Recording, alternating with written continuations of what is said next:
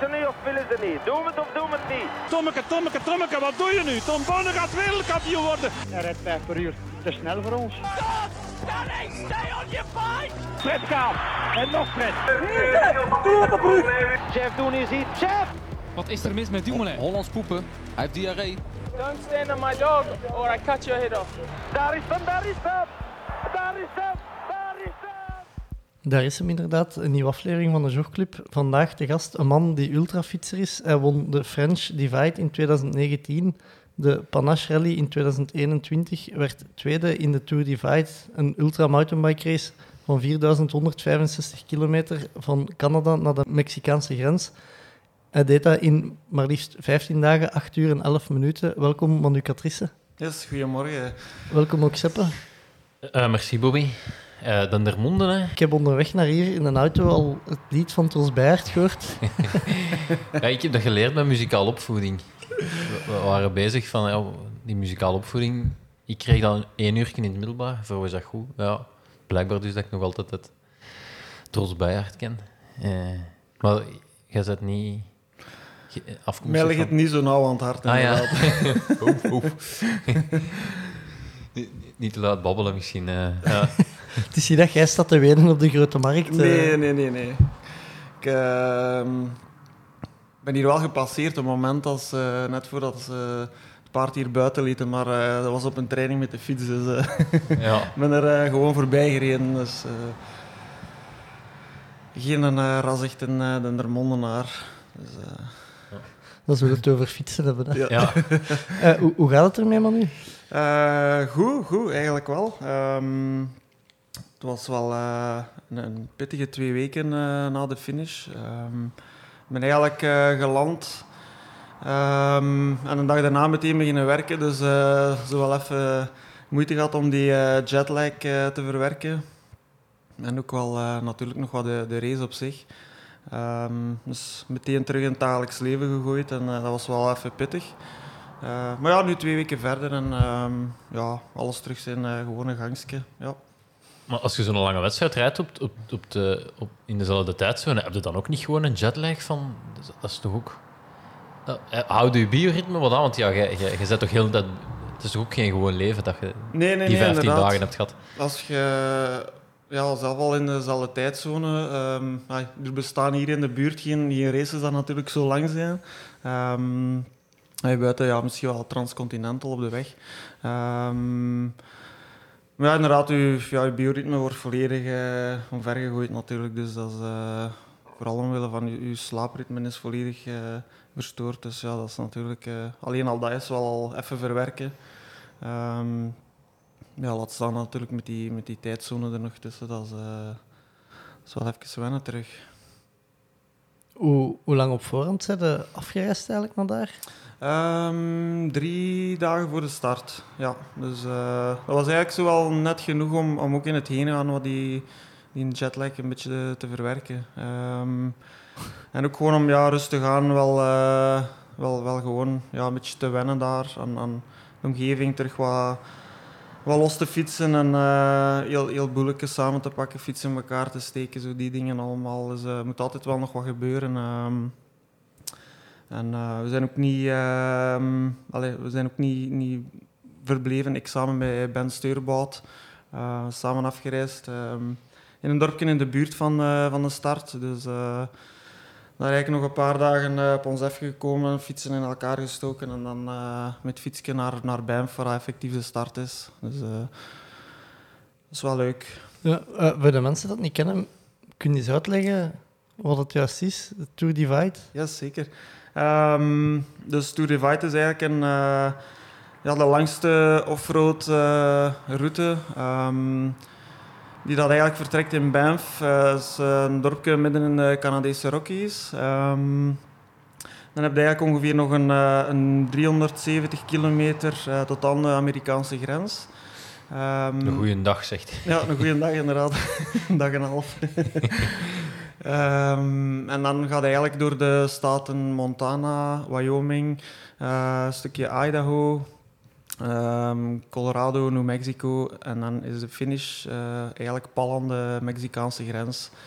Um, De normale route eh, in, in een jaar met normale omstandigheden is eh 4400 kilometer, net niet. Ehm, waarbij dat ongeveer een, een 60.000 hoogtemeters eh, ja, te doen hebt. Ehm, de Dat is veel. Ja. ja, dat is wel behoorlijk wel. Ja, op zich, ja, er zijn, er zijn al sinds wel, wel heel andere races die dat in verhouding eh, wel nog een stuk meer hoogtemeters gaan hebben. Eh, het is natuurlijk een lange afstand. hè. 60.000 klinkt veel, maar het is natuurlijk ook verspreid over, eh, over heel wat kilometers. Ehm, en eh, ja, dus de route is eigenlijk eh, ongeveer een, een 65 à 70 procent, denk ik, eh, onverhard. Ehm, eigenlijk weinig technische stukken, hier en daar een heel kort stukje. Maar bijvoorbeeld, ja, eigenlijk weinig of geen single track. Dus het is eigenlijk vooral ehm, ja, brede gravelpaden. Ehm, klinkt heel, ja, heel romantisch misschien, maar ja, dus die gravelpaden daar is ook niet altijd zo de, de, zeker niet de perfecte gravel als, als wat we hier in de buurt kennen of zo heel veel, eh, ja, zo echt washboard waar je uren aan een stuk over rijdt, dat je eigenlijk ja, gewoon geen enkel vlot stukje vindt op een, op een gravelweg die dat wel 10 meter breed is. Dus, eh, en ehm, ja, dus eh, heel wat wildernis dat je doorrijdt, heel wat lange afstanden tussen, tussen dorpen. Ehm, ik denk dat zo wat het, het, het langste tussen voorzieningen is ongeveer een, een, een 180 à 200 kilometer, denk ik. Dat er eigenlijk echt niks is. Ehm, ook geen water of zo, dus eh, sommige stukken moet echt wel, wel gaan zien dat je genoeg, genoeg eten en vooral drinken bij hebt. Ja. En het is zelf supported, hè? Ja, dus ehm, eigenlijk van begin tot eind ehm, is de bedoeling dat je op, op alle vlakken, zowel qua eten, slaapplek, eigenlijk eh, volledig je, je eigen plan trekt. Heb je bijvoorbeeld eh problemen met je fiets of zo, is dat eigenlijk ook de bedoeling dat je dat volledig zelf oplost. Ehm, dus je moet eigenlijk alleen gebruik maken van, van ja, alle voorzieningen die dat voor iedereen dat meerijdt beschikbaar zijn. Daar komt het eigenlijk op neer. Dus, ehm, Je mocht wel een winkel binnengaan. ja, uiteraard, ja, ja, zeker en vast. Dus ehm, tot zolang als dat iedereen er maar, eh, maar binnen kan of zo, is dat eigenlijk perfect goed. Dus ja, heel vaak gehad. Mensen die dat supporteren, dat u eigenlijk drinken aanbieden of, eh, of eten of zo, moeten eigenlijk gewoon ja, weigeren. Dus dat is eh, soms wel moeilijk, maar... ehm, Heb je de, heb je de Ironman truc niet gedaan? Dat ze het op de grond leggen en jij het opraapt? Dan heb je het niet aangenomen. Maar er zijn wel, er zijn wel enkele ja, trail angels noemen ze dat. Ehm, dus wel, wel mensen die dat op een oprit bijvoorbeeld of, of ergens gewoon random langs de weg ehm, wel, wel een bak zetten waar, al- waar al wat drinken in zit. Ehm, of of ja, wat, wat kleine snacks. Ehm, en die mensen voorzien dat ook wel eh, gedurende heel de race, dat ook wel iedereen er wel ja, gebruik van kan maken. Dus, Ja. zeker meer naar het zuiden van de route is dat hier en daar wel het geval. En dat is, eh, zeker omdat het nu de tweede keer was eh, dat ik de race deed, waren er wel een paar ja, plekjes waar, dat, waar dat eten lag. Dat eh, vorige keer ook wel het geval waren. Maar soms is het gewoon, ja, bijvoorbeeld in een afdaling ineens zie je daar iets langs de kant van de weg liggen. Dat is wel, eh, wel een paar keer goed van pas gekomen. Eh, ja, is dat ook niet... De, eh, de Karel Sabben heeft... De, het is niet een Appalachian, maar de Pacific Pacific Crest. Trail. Dat is dezelfde...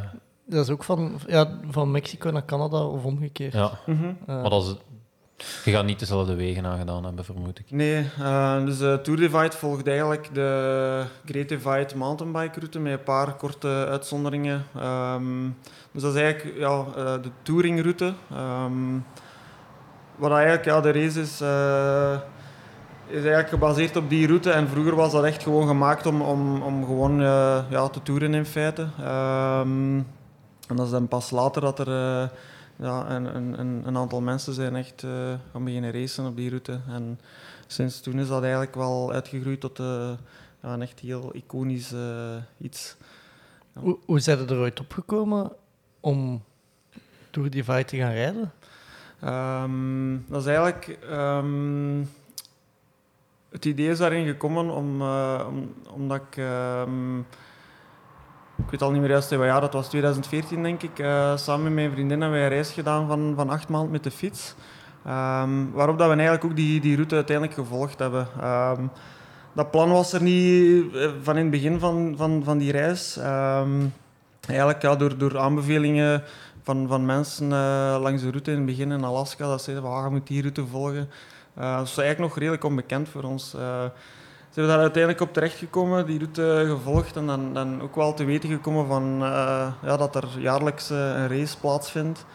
Um, en dan eigenlijk bij thuiskomst uh, een keer gaan opzoeken. En ja, je vindt er daar wat filmpjes van en, en wat blogs en, en, artikels en zo. En um, ja, dan uiteindelijk twee jaar daarna die, die, die race effectief gedaan. Dus wel wat beginnen voorbereiden.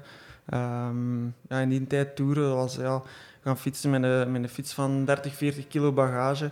Dus dat is wel even een, een, een heel andere manier van, van ja, bepakking en zo, om dan eigenlijk meer te gaan bikepacken met, met echt het uh, ja, hoogst, hoogste minimale. Hè. Um, Was dat uw eerste ultra dan? Ja, ja. Dus uh, direct wel een goeie. Uh, ja. ja, het scheelt al als de route wel, wel ergens uh, een beetje bekend is, dat je wel al weet van, van wat er op dat vlak op je afkomt. Um, maar er is natuurlijk ja, een heel groot verschil tussen ja, die route toeren op het gemakske dat je 80 à 100 kilometer uh, per dag doet. Um, ja, we hebben toen eigenlijk over dat stuk, ik denk uh, ongeveer anderhalve maand gedaan. Omdat dan uiteindelijk op, op ja, 18 dagen te doen is, is, is, ja, een heel groot verschil.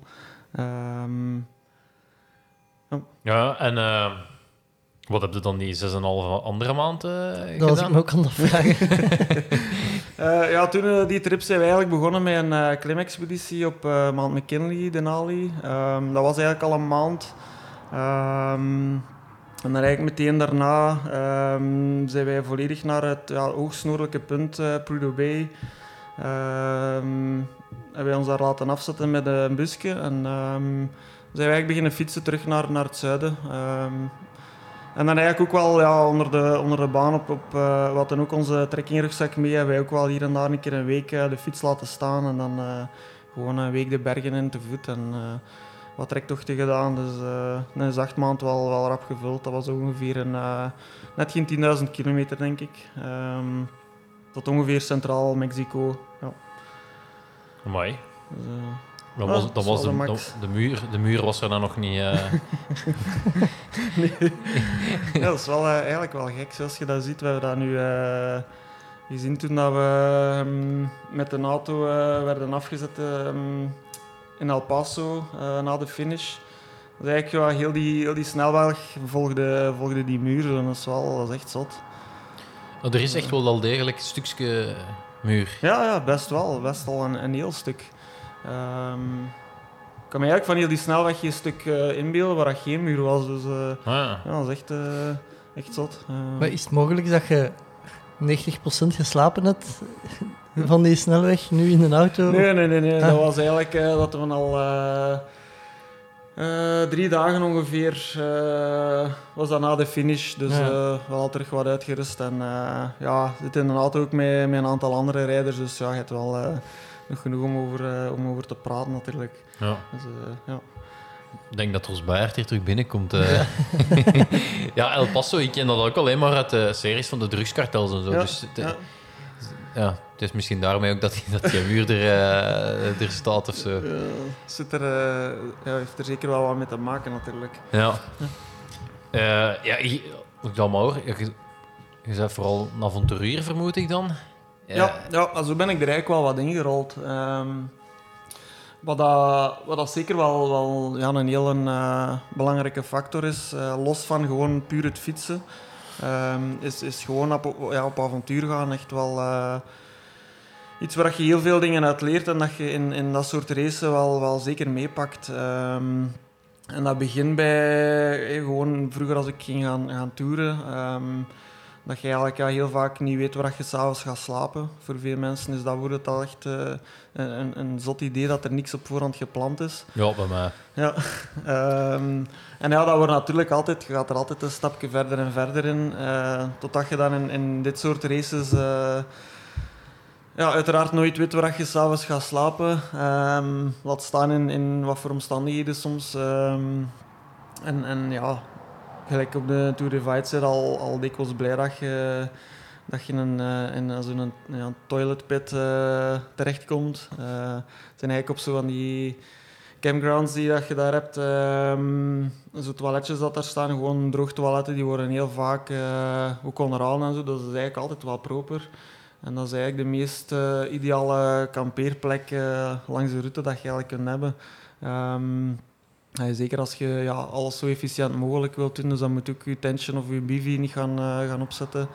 Eh, dus je rijdt daar eigenlijk met fiets en al binnen. ehm matchen open en uh, gelijk je neer en voilà. Ehm, ook direct een stuk warmer en vooral ook, ja, je moet geen rekening houden met je, met je ja, voeding voor de beren. Hè. Dus, eh, Ah, ja. ja.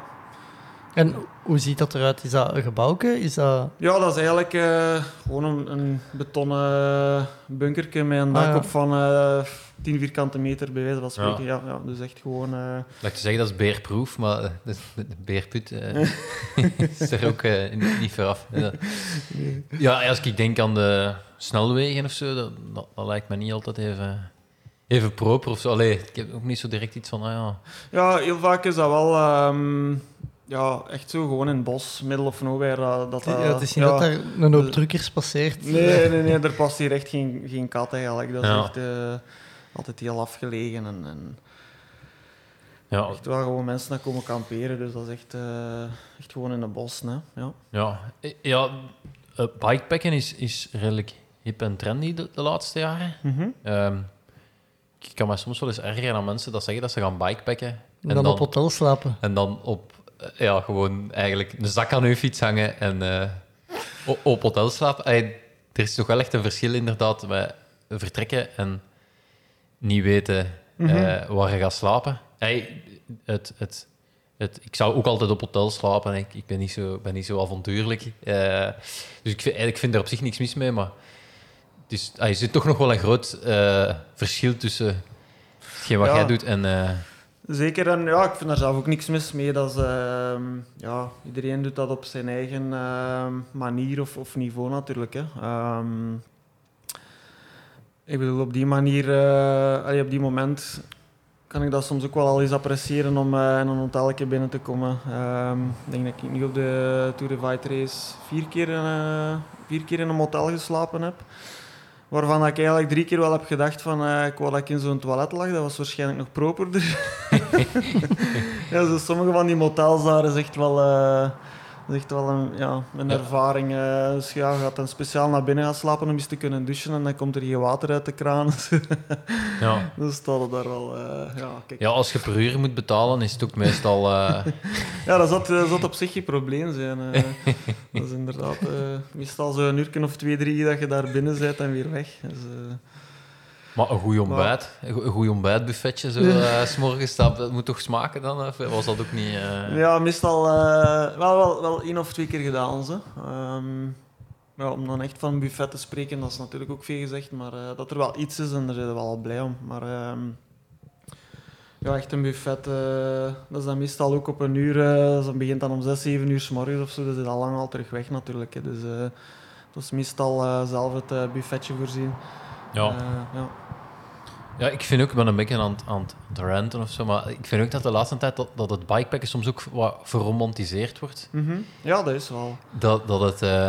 allee, als ik dan denk van, ja, als ik een hele dag gefietst heb en ik moet mijn tent nog gaan opzetten en je zegt, vuil, je wil... Allee, de- het is ook wel... de- Het kan wel zijn dat je dan ergens schoon ligt, maar ja...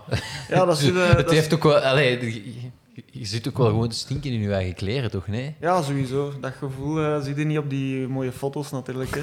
Nee. Ehm, ja, dat, is, ehm, dat wordt inderdaad wel een beetje geromantiseerd. En, en ja, dat is misschien ook wel een beetje de...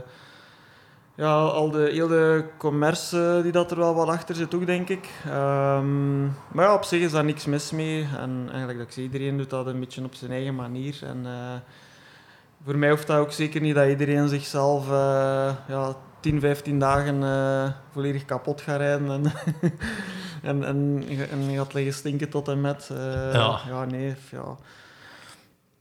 Wa- Wanneer, heb je- wanneer had ergens het... ehm, als je zo wat het avontuur opzoekt en zo, het, het competitieve wordt daar ook vaak niet aan gekoppeld. Ja. Ehm, wanneer hadden allee, wanneer hadden dat door? Van, hey, ik, wil, ik wil dat toch eens... Allee, dan gaat je echt wel je, je grenzen opzoeken. Wanneer kwam die klikker? Of... Dat is eigenlijk zo wat begonnen met mij met eh, een duo diagonaal. Dat is zo een, uh, een race hier in, uh, in België. Um, oh, oh. Voor ons mogen we dat race noemen. Hè? Dat, is al, dat is toch ja, ook al race. 360 kilometer Ja, offroad. Hè? Ja. Um, ja, vooral op de weg eigenlijk. Dat is wel, je mocht wel kiezen hoe, hoe dat je het doet. Uh, de meeste mensen zijn wel zo slim om dat op de weg te doen. Ah ja. ja, ja. Um, dus ja, inderdaad, ja, zo een, een, een, beetje afhankelijk van de checkpoints toen. Uh, 350 à 400 kilometer. Um, dat, waren eigenlijk bij mij, dat was bij mij zo de eerste keer dat ik eigenlijk zo echt een lange afstand fietste, ook de nacht door. Uh, want je vertrekt s'avonds. Um, in duo. En uh, dat was wel direct zo een. Zeker op, op, op, echt puur dat fietsvlak dan, van die, die lange afstand is over bruggen en nacht door, je wordt moe. En uh, dus toch even uh, doorbijten. Het moment als die zon opkomt, dat je echt zo'n zware klop krijgt. Um, ja, en dan begint dat natuurlijk zo, begint dat een beetje... Je begint dat meer en meer te doen en je legt altijd die, die, die lat wel iets verder. Hè. Um, maar ja, ik wist dat als ik zoiets deed, dat, uh, ja, ik had wel direct echt die smaak te pakken. En dan, uh, zeker met die gewoon touring-ervaring en, en ook wel um, al heel wat op avontuur geweest te zijn, um, was eigenlijk wel voor mij direct een logische stap om, om direct een heel grote race te doen, wat dat dan Tour de Fight was in 2018. Um, ja, je begint eraan en uh, uiteindelijk is dat altijd gewoon afwachten en, en zien wat dat wordt. Hè. Um, dat weet je nooit op Beetje voorhand. ondergaan gewoon. Ja, ja. Zelf al zijn ze supergoed voorbereid, zoals ik uh, nu al was. Um, ja, je weet dat nooit op voorhand hoe dat, dat, hoe dat, dat gaat lopen. Hè. Uh, ja. Kunt je fysiek en mentaal super sterk staan, maar uh, uiteindelijk beslist echt wel die, die race met je hoe, dat, dat, hoe dat, dat voor u gaat gaan. Um, er zijn zoveel factoren die dat die dat heel, heel die, die, die rit beïnvloeden, um, waar je totaal geen invloed op hebt. Hè. Uh, ja. ja. Even, even uh, de race op zich, hè. kunt u er gewoon voor inschrijven? Moet u kwalificeren? Is dat... dat is eigenlijk um, ja, op, op de dag van vandaag een, ja, een van de weinige races waar je eigenlijk, uh, die dat ook gratis is. Um, ah, echt? Ja, dus het enige dat je eigenlijk moet doen is ergens eind december, vanaf dan uh, kun je gewoon inschrijven. Via mail uh, is dat eigenlijk gewoon laten weten van wie dat je bent, waarom dat je wel wil meedoen. Um, je gegevens doorgeven en that's it. Um, kom je eigenlijk op een uh, Excel-sheet te staan. Um, ja, dat, dat is het eigenlijk. Je moet gewoon zien dat je in Banff staat, eerste vrijdag van juni. Dat is eigenlijk een beetje de regel.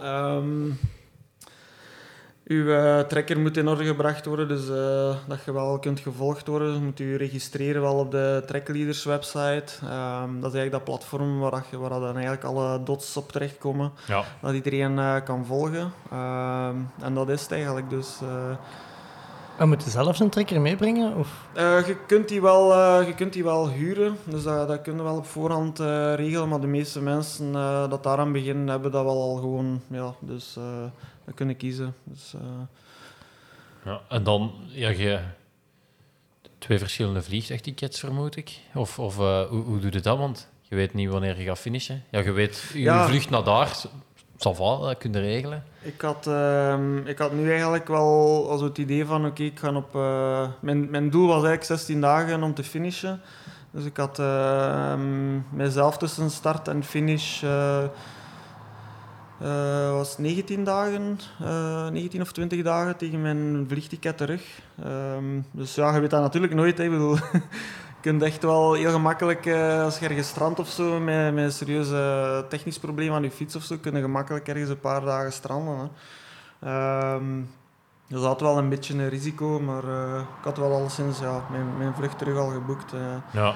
Geeft ook wel ja, een beetje de, de push om, om wel gewoon te zien dat je de tegenander bent. ja, het, het, het, de materiaalkeuze. Hè. Um, ja, hoe, hoe kies je daar voor, voor, wat soort type fiets en wat neem je mee? Wat, wat, wat ja. heb je echt nodig?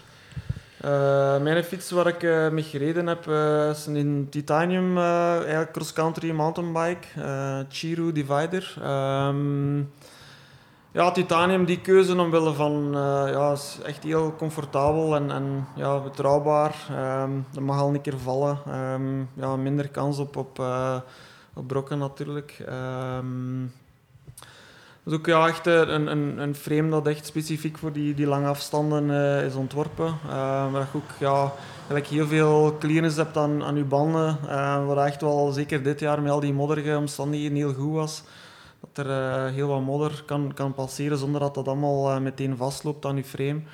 Ehm, en ja, de verdere ja, materiaalkeuze qua kampeermateriaal is iets dat ja, elke, keer, elke keer dat je een race doet, eh, verandert dat wel wat. Ehm, Wordt dan minder? Of... ja, wordt dat inderdaad wat minder en, en, en, en lichter. eh. Lu- luxe artikel nemen we niet mee. Maar wat, wat heb je Eh, allemaal bij? Dus ehm, ja, ik had deze keer gekozen voor een tentje. Ehm, ook omwille van, ja, dus je slaapt drie, vier uur eh, per nacht, dat in mijn geval toch. Ehm, dus je wilt ook wel dat die, die uren dat je maar slaapt, dat die wel goed zijn.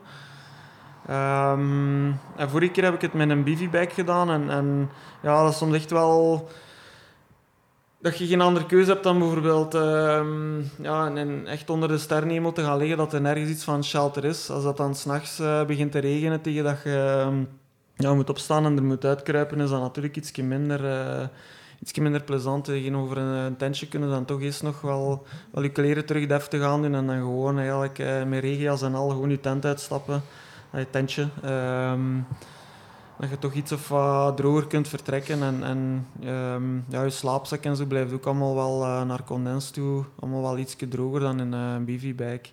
Ehm, De, een bivy-bag is een zak dat je helemaal toetrekt. ja, ja, eigenlijk een beetje, erin. een beetje een waterdichte, ademende lijkzak. Zo. Ja. Eh, waarin dat je je matchen insteekt en, en slaapzak en al Ja. erin. Hè. Ja. Je hebt daar heel wat variaties in. Zeg. Je hebt dat echt van ja, superlicht, eh ja, zo lichtjes waterafstotend tot echt volledig waterdicht, waar je dan natuurlijk ook heel wat verschillende gewichten in hebt. Ja. Ehm, dus nu mijn tentje was eigenlijk een, een enkelwandig tentje van net geen 500 gram. Dus ja, voor een tent is dat wel waar je eigenlijk volledig uitgestrekt in kunt liggen en rechtop in zitten, is dat wel, wel de max. Want dat is eh, ja, zelfs nog iets lichter dan echt wel een, eh, een hele goede waterdichte bivy. Ehm, ik- Dus ik- daar- we hadden in, in het leger hadden wij een, Ah, ja, ja, een Gore-Tex. En ik, ik, weet dan, als we daarin lagen, moest je altijd zo met je mond tegen het, allee, Ja. een gatje maken voor je mond of je, je stond zeiknat op. Ja, Eh, voilà, voilà. Ehm, dat is wat ik vorige keer op uh, Tour de Fight ook mee had. Zo'n uh, drielaagse Gore-Tex. En op zich, ja... Maar dat is wel super groot. Allee, die van ons die was echt groot. Dat, eh, ja, je hebt een daar 80 inderdaad... liter rugzak of zo, dan nam de helft van die, van die zak in. Ah ja, oké. ja, maar ja, dat, is, ja, dat is allemaal waarschijnlijk ook wel al veel veranderd. Ja. ondertussen. ik weet niet over hoeveel tijd geleden dat je spreekt natuurlijk. Ja, ik, ik denk gewoon dat mijn pa in diezelfde slaapzak wel zal geslapen hebben nooit als hem zijn legerdienst deed. Dus, Ja, ja, ja. ja. ja ehm, eigenlijk met een bivy dat ik vorige keer mee had, ik denk dat dat 800 gram was of zo. Dus als je dat vergelijkt ja, een tension 500 gram, waar je echt wel heel wat meer luxe in hebt, is dat wel, wel tof. Eh vraagt wel iets meer tijd om dan op te zetten, wat dat Ja, ook wel, wel ja, vaak net een druppel te veel is als je 18 uur gefietst hebt na zoveel dagen aan een stuk. Ehm, Ja.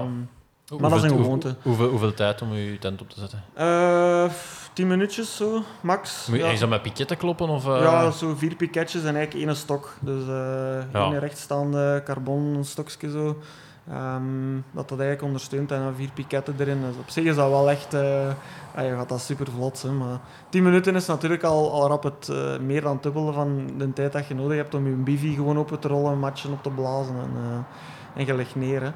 Ehm, maar dat loonde wel. Zeker een paar keer echt in de, in de regen moeten slapen en dan... ja, is dat toch wel, wel een luxe om dat te hebben.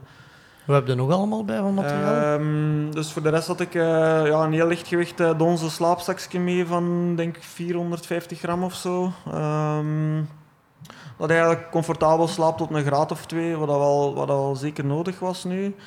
Ehm, en dan eigenlijk een, een, eh, zo'n Thermarest Neo Air, zo eerder dus de kinderversie, die dat eigenlijk wat korter is.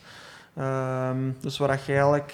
Vooral met je lijf op ligt. ja, ja, ja. Ehm, dus waar dat eigenlijk u, u vanaf knieën tot aan mijn voeten legde er wel af. Ja. Uh, legde dan dikwijls gewoon nog wat andere spullen onder, dat dat gewoon zo op die manier wel een beetje isoleert. Ehm, ja, vooral ook om een beetje dat volume en, en gewicht te besparen. Hè. Dus eh, eigenlijk heel mijn slaapsetup eh, was, ehm, denk ik, een kilo 200 voor, voor, voor echt eigenlijk echt alles. mee, ja. ja. Ja. dat is echt wel, echt wel heel weinig. Eh, anderzijds, ja, die eh Sofiane die dat gewonnen is, of eh Adrien die dat net naast, ay, achter mij was, ehm, die hadden eigenlijk zelf geen slaapmatje mee, geen tent of niks. Gewoon een heel lichte bivy en, en een slaapzak en that's it.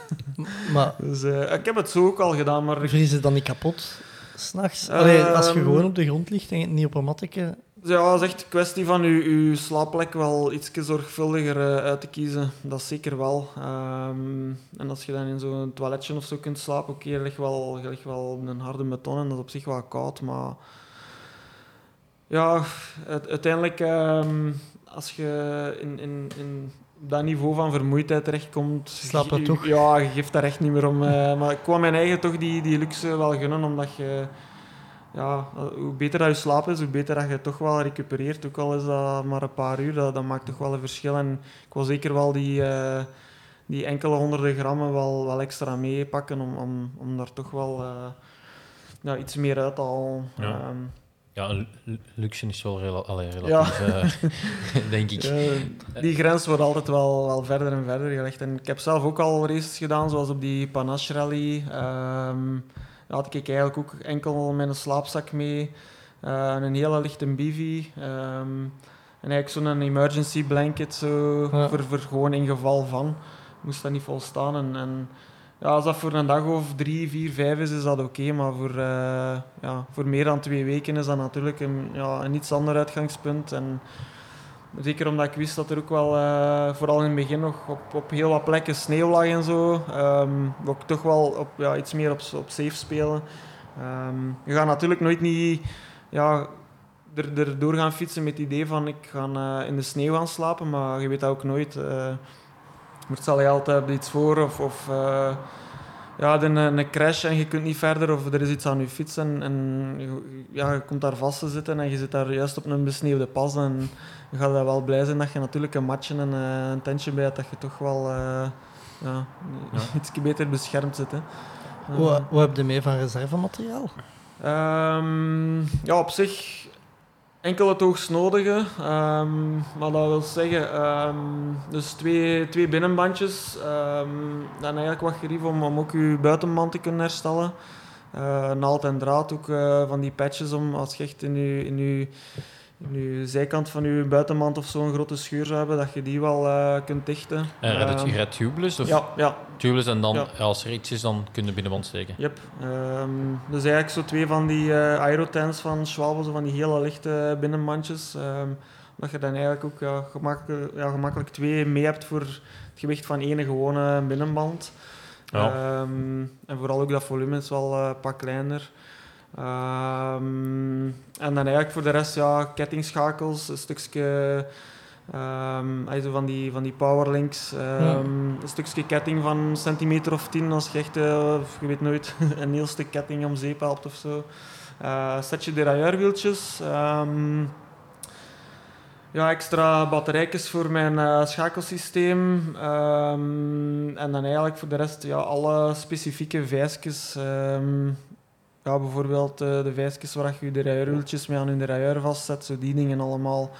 Met een, Ehm, een reservepad mee?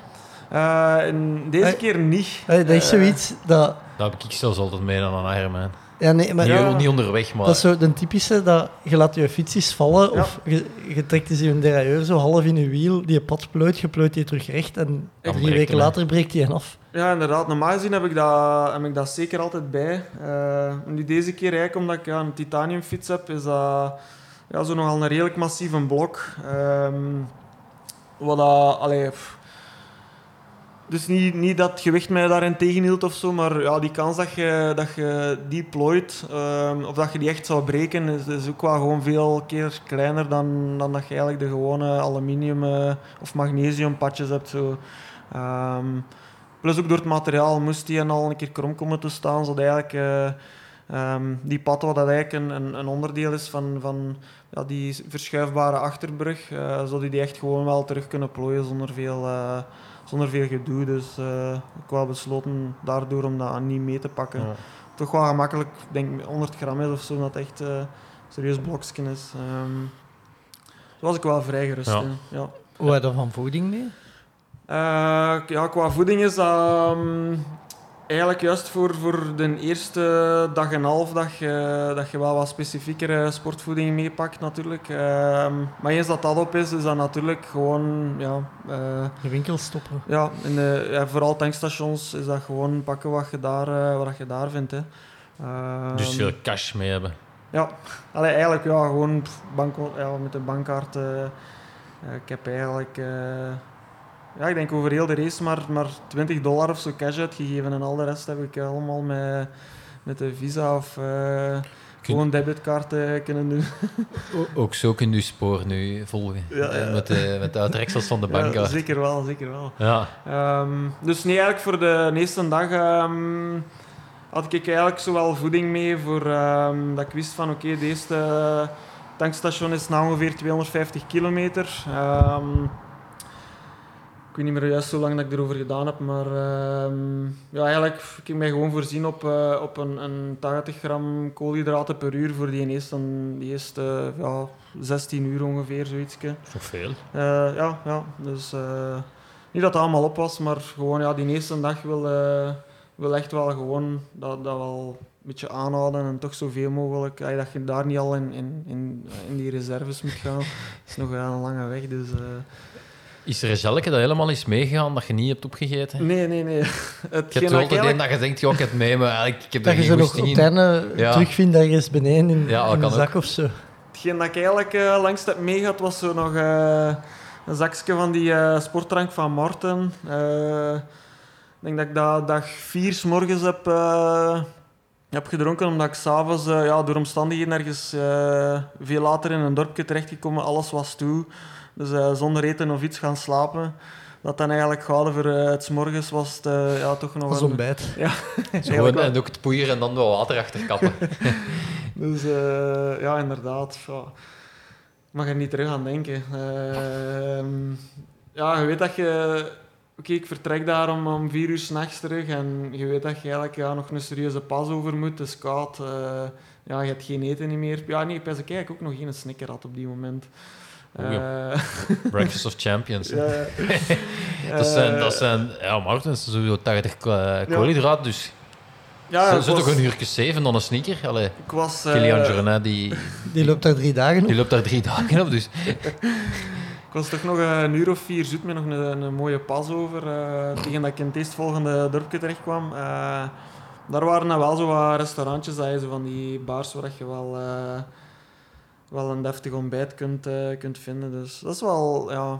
Eten is op zich, eh, als alles iets of wat goed gaat, nooit, eh, nooit een probleem op die, op die race. Je hebt echt wel ja, redelijk veel tankstations en... en ja, een typische, als je in een dorpje komt, is er altijd wel een plek waar je op zijn Amerikaans kunt ontbijten en daar kunnen we wel even op verder. eh. dat ze zo met de koffie kan ja, ik was bijvullen. zo'n in madame in een schort met een koffiekan. Ja, exact dat. Hè. Ja.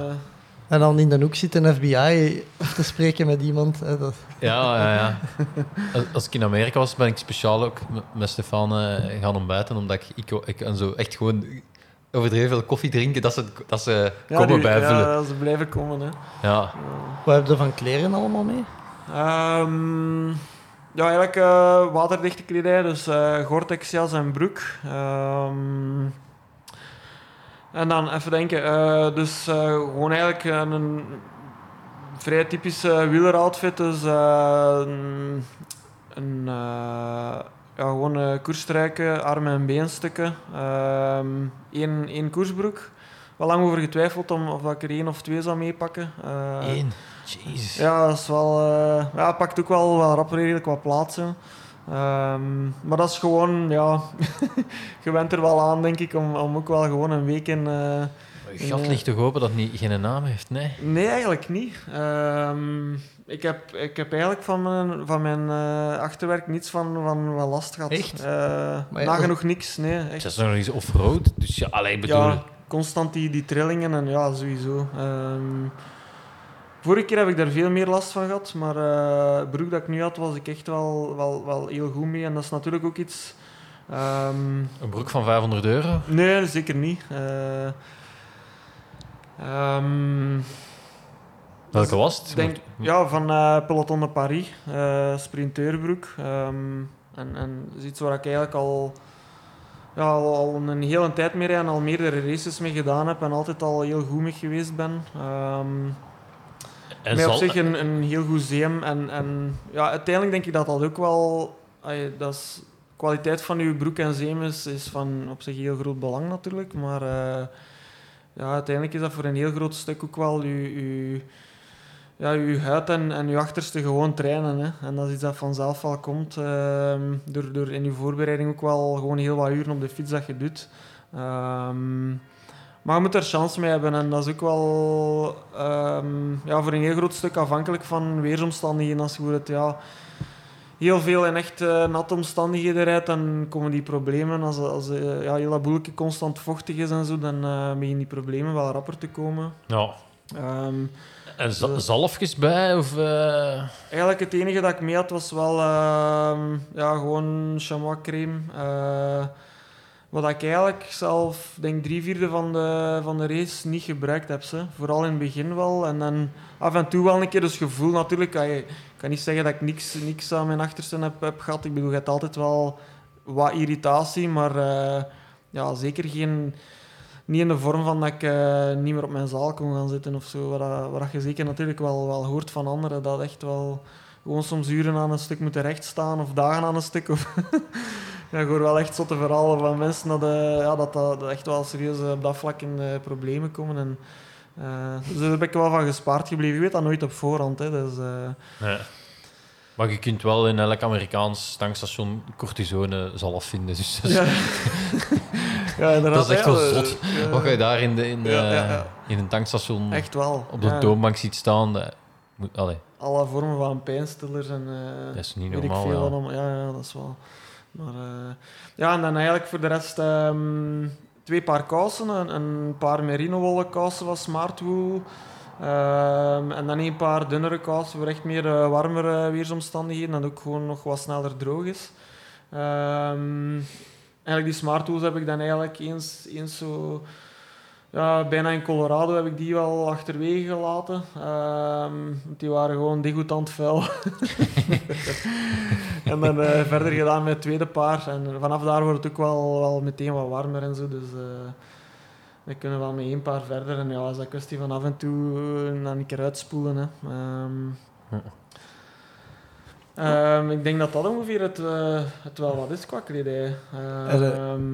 Stomme vraag misschien, maar je vrije tijdskledij mee voor na de race? Of is er Eh, iemand dat, ja, dat ehm, meerijdt, eh, dat, dat de route doet met een auto of zo, Nee, nee, nee. Dus, die eh, een rugzak zeker voor niet. aan de finish heeft? Zeker niet. Ehm, ja, ik had eigenlijk voor onderweg, voor als je een keer in een motel slaapt of zo, had ik wel zo'n heel lichtgewicht eh shortje mee, dat je ook wel gewoon een keer iets anders kunt aandoen. Eh, en ik had ook wel nog een paar eh, compressiekousen mee, dat ik, eh, ik wel zoveel mogelijk aanneem voor te gaan slapen. Dat je toch... jongen, dat, kom- ja. dat zou ik... Dat zou ik, ik om dat al aan te doen in een tent, dat is al... dat is gewoon... Nu, als ik fris ben, al, al, al een opdracht te veel of zo. ja, sowieso. Dat is echt wel, eh, wel even werk om die aan te krijgen als je daar... eh, Als het goede zijn, toch? Ja. Ja, ja, ja, inderdaad. Als je daar als een zombie in je tentje zit en, en die kousen nog over je... Ik weet niet hoeveel benen trekken, dat, dat, dat, dat gaat niet vanzelf, maar dat loont wel. Ik was wel blij dat ik die mee had, eigenlijk. Ehm, Maar je, je komt dus effectief aan en je hebt niet... Dus niet dat je zegt, ah, man, fris, dat moet je in een winkel kleren gaan kopen. Of hoe... ah aan de finish, ja. Ehm, ja, dus... Ik zal dat even schetsen ook. Dus ja, je komt eigenlijk toe aan, aan, die, aan die grens van Mexico. En ja, daar is eigenlijk niks of niemand. Dat is gewoon zo'n eh, een, een, een grenspost. En, en That's ja, ik heb hier een foto, Eh, een hek met border control. eh, Ja. Inderdaad. Ehm, en daar stopt het. Ehm, en dan is eigenlijk ehm, Jeffrey van de Bike Ranch, dat is eigenlijk in, in het laatste dorpje waar je doorrijdt voordat je aan de finish komt. Dat is ongeveer een... eh, ja, ik denk nog even een mijl, 45 mijl, denk ik. Wat is dat, een eh, 70 kilometer Ja, of zo? 72 Ja, kilometer. ja, zoiets. echt zo gewoon één recht stuk, ehm één rechte baan, zo plat als iets door de woestijn. Ehm, en ja, eigenlijk het laatste dorpje ehm, is die Jeffrey, die gast, die, die voorziet eigenlijk eh, een beetje de supporters. Die, die komt eigenlijk, als je hem, hem dat op voorhand vraagt, komt hij je halen met een auto aan de finish. Dus die pikt hij op en dan eh, ja, kun je eigenlijk bij hem thuis eh, verblijven. En, en ja, dat is echt wel een beetje een hostel zou ik kunnen zeggen. Die, die zijn huis is ja, echt iets super basic in de woestijn. Ehm, als daar een moesonregen naar beneden valt, eh, geraakt hij niet van zijn oprit. Dus dan eh, is dat gewoon wachten tot als dat boeletje eruit droogt.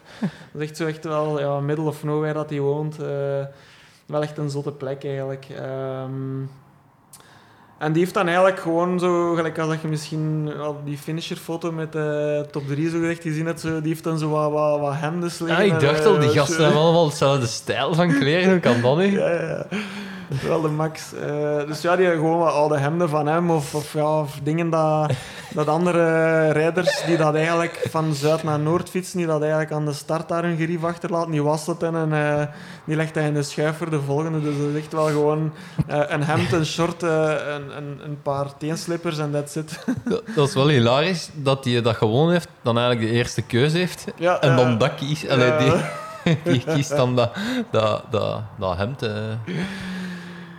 Eh. Ja, Eh, grappig, hè? ja. Ehm, wat ik hier, hier juist nog ook nog uh, vergat te vertellen over mijn kledij, is wel misschien nog een belangrijke, is dat ik ook wel eh, goed donsjasje mee had. Ah, ja. Ehm, ja. Waar ik ook eigenlijk echt wel nog redelijk veel mee gefietst heb zelf. Eh, ja, gewoon voor de kou. Heel Montana was dat overdag... eh, ja, voor een heel groot stuk van de tijd zal echt maar eh 2, 3 graden. Ehm, en, dan, en dan zeker ja, als je een keer eh, s s'nachts een hogere pas overgaat. Of, eh, ja, ik denk het koudste dat ik eh, gezien heb op mijn GPS was min 8. Dat is wel een uitzondering hier. Dus, maar goed, ja, je hebt af en toe wel een keer eh, om en bij die vriestemperaturen. Is morgens vroeg en dan eh, ja, we moeten wel iets extra mee hebben. En dan nog eh, zo'n tussenlaagje, zo'n eh een dun vlies eh fietstruiken had ik ook nog Ja. wel bij. Is, eh, maar ja, eigenlijk ja, alles wat ik, eh, wat ik mee had, heb ik eigenlijk heel veel aangehad. Ehm eigenlijk niks, niks te veel mee gehad. Ehm, en nog belangrijk, niks te weinig. Ehm, ja. Hoe, hoe navigeert hij? Hoe is is het afgepeild? Is het GPX? Is het, is het- Puur GPX, ja. Ja. Om zo'n route af te peilen zal natuurlijk wel eh, serieus wat werk zijn. En zeker om dat eh, te blijven onderhouden. Nee, dus eh, eigenlijk iedereen krijgt ehm, een paar dagen voor de start. Dus je hebt eigenlijk de, de basisroute. waar je naar, ja, om je op voor te bereiden, zo gezegd, wel, wel gebruik van kunt maken. Maar elk jaar zijn er altijd wel een paar plekken waar dat de route wat afwijkt. Ehm, en dat was zeker dit jaar door, door ja, wat bosbranden in New Mexico en zo. Eh, was dat echt wel tot, tot, tot, eh, ja, twee dagen voor de start of zo.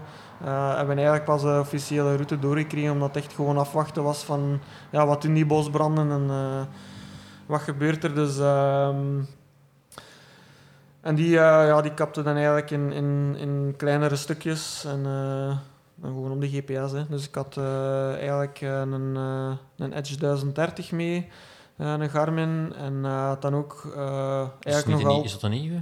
Nee, dat is... Nee. eh, zijn. de, de nieuwe is al wel met, eh, met zonnepanelen. Oh, ja, dat zou wel, eh, wel handig zijn. eh. wat is dat 1040 plus of zo, denk ik. Eh, Ja.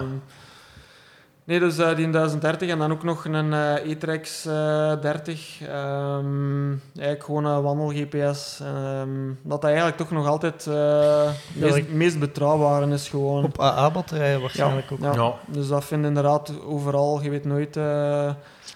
Ja, eh, dus ik had eigenlijk naar, naar energievoorziening eh, een, een naafdynamo, zowel voor verlichting als eh, dat je eigenlijk iets kunt herladen naar een powerbank toe of, of rechtstreeks in je, in je Garmin of zo of telefoon. Een zon? Ja, ja. Eh, eh, ja, dat is echt gewoon. dat heb ik echt al. Denk vijf jaar, eh, eigenlijk ja, sinds de eerste keer, eh, sinds 2018, eh, dat ik de eerste keer Tour de Fight heb gedaan. En ja, dat, dat nog altijd perfect zijn ding. Er staan echt wel heel wat kilometers op en serieus misbruik geleden, maar dat, echt, dat blijft gewoon perfect, perfect werken. Ehm, Dus ja, je weet inderdaad nooit, het kan altijd gebeuren dat er toch ergens in je bedrading of zoiets misgaat, dat je ja, geen stroom niet meer hebt van je naafdynamo. En dan is het wel, wel goed dat je kunt terugvallen op een GPS met gewoon batterijtjes. Mhm. Ah, ja. Dat vind je overal. Hè. Dus, eh, ja, dat is waar. en ook al gaat dat zo, ja, dat mijn, mijn netje in het verleden een keer eh, begon te flippen en dat die gewoon crashten. En ja, als je dan natuurlijk geen backup hebt... eh, of Een, goede naam update. Ja, ik, ja. ik, ik heb zaterdag een trailrun gelopen in Dardenne, afgepeld en op GPX en verkeerd gelopen. Dus Ja, ja, ja. ja, een GPX. ehm, dus misschien omdat ik dat trailrunnen... Maar ja, niet al die wegjes staan daarop. Dus af en toe stuurde je... Allee, volgt die GPX ook niet de exacte Ja, route. ja, ja. Heb je zo geen twijfelgevallen geschat dat je dacht... Mijn GPX stuurt me naar hier, maar dat is niet echt... Heb je daar gelopen met een fiets-GPS? Nee, nee, met mijn... eh, ah, zo met je horloge, ja. ja. Eh, dat je eigenlijk gewoon met je pijltje in het streepje volgt, zo gezegd. Of, eh, ja, er staan echt wel kaarten op. Ah ja, oké. ja, ja. Ja, er staan echt wel kaarten op. ja. Maar het was ook Ehm, wel afge... Volledig Ja, ja. mijn. Het zegt meer over mijn eh Ja, oriëntatievermogen dan... eh, Ik denk dat het eh, veel gemakkelijker is om eh, op trailtjes in Ardennen inderdaad eh, even mis te lopen dan, eh, dan, dan ja, op, op, op eh, een, een, trek als deze. Hè. Eh, ja. Ik bedoel, veel keuze is er meestal niet. Ah ja, oké. Het is echt gewoon, eh, ja, om- omdat je weinig op technisch terrein zit en zo. eh, heel veel gewoon gravelwegen is dat eigenlijk altijd ja, heel simpel. eh. ik ben wel eens van de route afgeraakt. Dat was omdat ik ehm, ja, eigenlijk de verkeerde GPS-file van een detour omwille van die bosbranden had ingeladen. Ehm, op een gegeven moment, ik ben aan het fietsen, eigenlijk van heel de dag nog geen, geen gsm-ontvangst gehad. Ehm, ik zie opeens dat ik terug ontvangst heb. Ik zet even eh, mijn 3G aan. Ik, wou een keer zien op de trekker waar, dat, eh, waar dat de andere rijders zaten. Dat was redelijk op het einde. Ehm, en ik zie ineens dat ik ja, gelijk 15, 20 kilometer van de route af ben. Ik zei, ah shit, wat, is deze hier nu? Alle twee mijn GPS'en eh, had ik natuurlijk dezelfde trek op ingeladen. Zeggen allebei van dat ik nog een heel stuk ja, de, de snelweg moest volgen. Ehm, dus ja, ik stuur eh, een sms naar, eh, naar een organisator van ben ik effectief op route? Want ja, je bent aan te denken van is, is mijn spot hier aan het flippen of zo? Dat, dat hij eigenlijk een verkeerd signaal heeft gegeven, dat je ergens anders zit of zo. Maar dat was dus niet het geval. Dus ik moest effectief eh, heel, de, heel dat stuk terug. Ehm, en dan uiteindelijk ja, had ik de juiste trek wel nog ergens op mijn gsm staan van, van dat ene stuk. En eh, dan zo wel uiteindelijk mijn weg gevonden. Zo. Maar wel even eh, frustrerend. Maar eh, op zich verkeerd rijden doe je daar wel echt niet, niet gemakkelijk. Ja. Is dat dan ook zo als dat je op de Franse autostrade komt, dat je zo ziet, nog 950 kilometer rechtdoor voor, voor een Eh, afslag? Ja, als je daar inderdaad echt op de, op de, op de highway zou gaan rijden, dan spreekt je daar wel vaak over zot afstanden. Maar ehm, ja, op deze race is dat eigenlijk zo min mogelijk wel. Zo. Ja, Dat, hier en daar zit er wel een keer een stuk of een, keer, een keer 60, 70 kilometer eh, op de weg bij of zo. Dat is dan meer een, een verbindstuk dat ze eigenlijk niet anders kunnen. Maar ehm, ja, over het algemeen is, het- is het echt wel, wel rap. Echt, ofwel de kleine verharde, ai, kleine verharde wegjes of, eh, of Ja. gewoon puur off-road. hè. Dus ja. Hoe deelde zo'n wedstrijd in? Hè? Want je, je vertrekt allemaal samen. Ja. Ehm, heb je zoiets van, ik, ik volg en ik doe een beetje wat de rest doet? Heb de, ik vermoed dat dat vooral een kwestie van eten zoeken, slaapplaats... Allee, dat, je, dat je zoveel mogelijk probeert vooruit te gaan. En, Ja, ehm, of heb je echt een plan in je hoofd? Ik wil daar zijn, ik wil... Of, Ik had inderdaad wel, zeker voor eh, zo de eerste drie, vier dagen, had ik eh, in grote lijnen wel wat een plan. En, en wist ik ook wel, omdat ik de race al eens gedaan had, van wat is ongeveer haalbaar. Ehm, en ah, die lat lag nu ook wel een stuk hoger dan, dan vorige keer natuurlijk. Ehm, dus ja, je hebt, je hebt door de ervaring dat je dan al hebt wel, wel een idee van... Als alles goed gaat, eh we weten wel waar je ongeveer moet, moet kunnen geraken tegen, tegen het avonds. Ehm dus dat plan had ik wel. Maar eens daarna is echt gewoon, ja, weet je, er, kan, er kan zoveel gebeuren dat je dat, je dat ook wel ja, meer dan vier dagen vooruit niet moet plannen. Je hebt wel in grote lijnen een beetje een, een idee van ehm, ja, wat de mogelijkheden zijn. Het is vooral een kwestie van te weten van waar vind ik wat. Dat is wel een belangrijk stuk van de voorbereiding van ehm, ja, waar vinden eten en, en slaapplek gewoon. Hè. Eh, Slaapplek is op zich altijd het meest bijkomstige. Ja, daarvoor heb je uiteindelijk je grief wel bij, maar ja, dat je eigenlijk van, van elk dorpje weet van wat dat je daar eh, vindt. Ehm, er is ook wel tegenwoordig heel wat, wat informatie over, eh, over gekend, eh, op basis van waypoints en ISO points of interest, dat je echt van, van winkeltjes en zo allemaal de openingsuren wel, wel weet en, en, en locaties en zo van, van echt gewoon ja. water in heel droge stukken bijvoorbeeld. Ehm. dus ja, je vertrekt inderdaad allemaal samen en ehm, ja, dat is gewoon een kwestie van je eigen ding te doen van dag één. Dat is eh, heel verleidelijk om eh, ja, als, uh, als de eerste mannen echt volop beginnen knallen, um, om daarmee mee te gaan. Um, maar ja, dan moet je echt gewoon je eigen in kennen. Um, en dat was eigenlijk ja, vooral in mijn eerste keer, was dat wel, uh, ja, die eerste dag, je bent, je bent natuurlijk nog, nog uitgerust en, en fit en al wat je wilt. Ik zou volle bak meeknallen. maar ja, deze keer was ik op zich ook wel van, van dag één wel, wel direct mee. En dat ja, geeft direct wel, wel een goed gevoel als je zo bij deze drie gewoon dat geen al uitrijdt. Um, maar je weet dat nooit. Ik bedoel, um, dag twee kan er al helemaal anders uitzien. Dus je moet echt wel gewoon... Ja, je weet door, door alle training dat je hebt gedaan, je weet wat, dat je, dat je aan kunt. En uh, ja, dag één, dag twee zie je soms nog eens op je powermeter uh, op een klim van zien dat ik hier niet te veel... ja, dat je niet gaat opblazen en zo, maar ja, weet na dag drie of dag vier is dat al volledig verleden tijd. En ja, kijk er bijna zelf niet meer naar. Dan is het eigenlijk uh, eerder uh, een uh, frustrerende zaak hoe... hoe weinig dat je nog trapt. ja, hoe weinig vermogen dat je inderdaad nog trapt. en ja, zeker naar het einde toe is dat echt, is dat echt schrijnend eigenlijk. Maar ja, het is vooral een kwestie van... Maar kun je nog 200 watt trappen? op een goede moment, uh, op, op een klim of zo, naar het einde toe, begon ik kijken wat terug iets sterker te worden. En, en ja, is dat zo 200, 250 watt. Dat ging nog wel, maar meer zeker niet. En dan had ik eigenlijk gemiddeld uh, over zo'n hele dag uh, zelden meer dan 150 watt. Hè. Dus ja, ten opzichte van trainingen thuis is dat wel... Ja, uh, ja dat is 100 wat minder waarschijnlijk, nee. Uh, denk wel... Ja, gemiddeld uh, nou, ook niet zoveel, denk ik, maar ja, toch wel wat minder. En, en um, ja, je moet er niet te veel mee bezig zijn. Gewoon. Nee, het is gewoon een kwestie van progressie blijven maken en dat, is al, dat is al veel. Ja. hoe traag dat ook gaat, want het is uiteindelijk voor iedereen hetzelfde. Um, ja, weet, ja. Maar wordt, en wordt, wordt die, die wedstrijd wordt voornamelijk beslist, denk ik, door, door je slaap dat je doet en, en niet zozeer door, door wat je nog kunt trappen? Of, of is dat niet zo? Um, ja, dat is ook een beetje een strategie. Zoals uh, Sofiane, die dat eerste was, die, die, zijn heel sterk punt is dat hij met heel weinig slaap uh, verder kan. Dus die heeft eigenlijk van in het begin...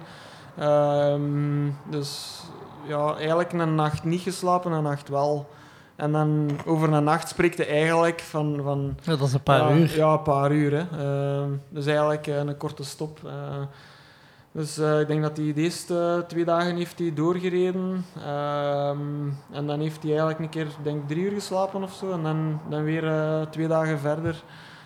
naar het einde toe is hij natuurlijk ook wel wat meer beginnen slapen. Maar ja, dat is iedereen een beetje zijn eigen strategie. En je moet op voorhand weten van waar je naar slaap toe en zo, waar je aan kunt. En ik had wel van in het begin echt wel ja, gezegd tegen mijn eigen van oké, ik ga vier, vijf uur per nacht slapen. Um, waardoor dat je eigenlijk ook wel een pak, snel, een pak beter recupereert en dat je snelheid gewoon een dag daarna wel, wel hoger ligt. Dus uh, ik had wel... Um... Ja, de, de vraag is of je dat dan effectief inhaalt. En nu ja, langer slapen haalde dat in in snelheid? Uh, ja, toch wel. Um, ja, allee, ik zat eigenlijk aan, aan de finish, was ik, uh, ik denk ongeveer 10 uur na de eerste. Maar mijn uh, stilgestaande tijd was over heel de race twee dagen meer. Ik had eigenlijk vijf dagen effectief stilgestaande tijd. Um, en ja. helemaal drie dagen. Dus op zich lag mijn snelheid wel een stuk hoger. Um, en dus ook gewoon, ja, die slaap is... Enerzijds vertaalt zich dat wel in, in inderdaad gewoon je, je fysiek gedeelte, dat je beter recupereert en dat je terug iets sneller fietst. En ja, dat spreekt over, uh, dat bij mij... In hoeverre dat, dat heel accuraat is, weet ik ook niet juist. Maar uh, volgens hoe dat in trackleaders dat weergaf, was dat eigenlijk uh, een, een goede 2 km per uur sneller dan, dan, eh, dan Sofiaan. Uh, op zich, als je dat berekent op ja, 17 uur per dag, is dat niet weinig. Dus eh, dat bepaalt wel wat ook gewoon je, stops om, om te bevoorraden zijn natuurlijk uh, echt wel van groot belang. Je kunt jij, als je een tankstation binnenwandelt en eten koopt, kun je, is dat heel verleidelijk om je daar een half uur ook te zetten en, en te eten. Maar meestal is echt gewoon ja, alles binnenslagen, wegsteken, verder rijden en op je fiets dan pas beginnen eten. Um, dus daar kun ik wel heel wat tijd mee besparen. Zet u fiets op slot als je het tankstation binnengaat? Um, meestal niet. Um, ik had wel zo'n heel, een heel klein uh, slotje mee. een beetje afhankelijk van plek tot plek. Meestal zijn dat echt zo van die ja, heel afgelegen dingetjes waar, waar eigenlijk toch niet zoveel leven is. Uh, dat je eigenlijk echt wel weinig zorgen in moet maken. Dus ja, ja. Maar een paar keer wel. Ja. Dus, uh, ja, het is niet dat je zo je fiets dan zet, uh, winkelkarren pakt. Nee, nee, nee, nee. Dat is echt gewoon... Ik had zo'n een, um, een ja, heel lichtgewicht rugzakje mee van City Summit, dat je eigenlijk zo'n vuistgroot uh, ja, kunt opvouwen. En dat, is, um, dat pakte ik en dan eigenlijk altijd mee de winkel. Stampte dat vol met eten. Ik, ja, ik, had ook altijd, ik had wel wat tasjes aan mijn stuur, zo van die food waar je, waar je ook wel wat in krijgt. Maar dat is ook niet eindeloos natuurlijk. Uh, voor sportbars en zo is dat ideaal, maar daar vind je dikwijls gewoon ja, alleen maar eten dat pak meer uh, plek in beslag neemt. Dus uh, voor was zo'n rugzakje wel heel handig. Stik daar rap vol en um, ja, de kleinere dingen stik je dan in die zakjes op je fiets en, en die grotere dingen laten daarin zitten. En dan is dat gewoon... Um, ja, tijdens dat je dan terug begint te fietsen, begin je dan eerst gewoon terug dat, dat rugzakje leeg eten en dan past geen op je fiets, zo gezegd. Hè. Dus, en, en hoeveel, hoeveel, vocht heb je mee op de fiets? Al hoeveel water kun je meepakken? Uh, ik had ongeveer een uh, 4 liter, een half dat ik maximum kon meepakken. Ja, want dan moet je dan ook... Allee, dan moet je dan ook zien dat je altijd vindt ja, aan, die, aan die tankstations? Of, of... Eigenlijk, nee, eigenlijk, ja, ik, ik heb voor, voor het grootste deel van de race eigenlijk nooit niet meer dan 2 liter meegepakt. Alleen voor stukken waarvan dat je weet van oké, okay, ik ga hier 100 of 150 kilometer of meer geen water hebben, dan, dan is dat natuurlijk iets anders. Dan is het echt wel uh, alle, ja, zo goed als mogelijk uh, alles bijvullen. Um, maar ja, je hebt, eigenlijk voor het grootste stuk van, van de route heb je heel veel water. Hè. Dus uh, riviertjes en zo. En dan uh, is dat een kwestie van waterfilteren. Um, wanneer dat je het nodig hebt. Dus ja, constant dat je wel die, die mogelijkheden hebt, wat natuurlijk wel, wel veel is. En, um, pakte ik er ook niet te veel mee, want dat is eh, ja, uiteindelijk ook altijd uh, meer gewicht op je fiets. Dus ja, ja dan, als je een klim hebt van 50 kilometer, dan, uh, als je daar 2 kilo eigenlijk voor niks mee zult, is het gewoon te zot als je aan de andere kant, uh, of, of, na de afdaling bijvoorbeeld, gewoon een riviertje hebt of zo, waar je terug kunt, kunt water uitfilteren. Hè. Dus, dat ging eigenlijk wel echt wel heel vlot. En dat is uiteindelijk, dat duurt niet langer dan een minuut per bidon om die te vullen. Dus, voilà. Ja. Ja, het, het, terrein dan, was dat... Allez, ik vermoed dat er ook stukken zijn dat je moet je fiets duwen. Nee? Is, is het soms um, ontoegankelijk of is, is het allemaal goed bereidbaar? Het is eigenlijk allemaal echt wel goed bereidbaar. Er zijn uh, een paar stukken die dat er wel, wel wat uitspringen. Um, gelijk dat geen is er zo... Is er zo'n een, een klim waar je eigenlijk uh, toch ja, twee uur en een half ongeveer over bezig bent te voet. Um, eigenlijk een beetje een ja, op die moment van het jaar een droge rivierbedding. Dat je met grote stenen en zo, dat je gewoon over moet. Uh, met dan ook wel wat, wat, wat steilere stukken uh, naar beneden terug. En ja, dit jaar duurde dat gewoon nog extra lang, omdat er ook veel sneeuw nog lag. Dus dat was eigenlijk meteen van dat geen ploeteren in de sneeuw. Ehm, zowel naar boven als naar beneden, dus dat, dat kost wel rap wat tijd. En eigenlijk was tot, tot echt wel Um, een goed stuk in Montana, Wyoming ook wel nog een paar stukjes. Uh, Colorado weinig of niks. Heel veel passen dan nog besneeuwd lagen. Um, ja, dat was soms echt ja, een pas waar je normaal gezien een uur, anderhalf uur zou voor nodig hebben om erover te fietsen. Was dat nu soms echt gewoon vier uur te voet uh, ja, de fiets uh, door de sneeuw duwen. ik had dan al het geluk dat, ja, dat er eigenlijk grootste stuk van de race één of twee sporen wel voor mij al gemaakt waren, door, door die dat voor mij waren.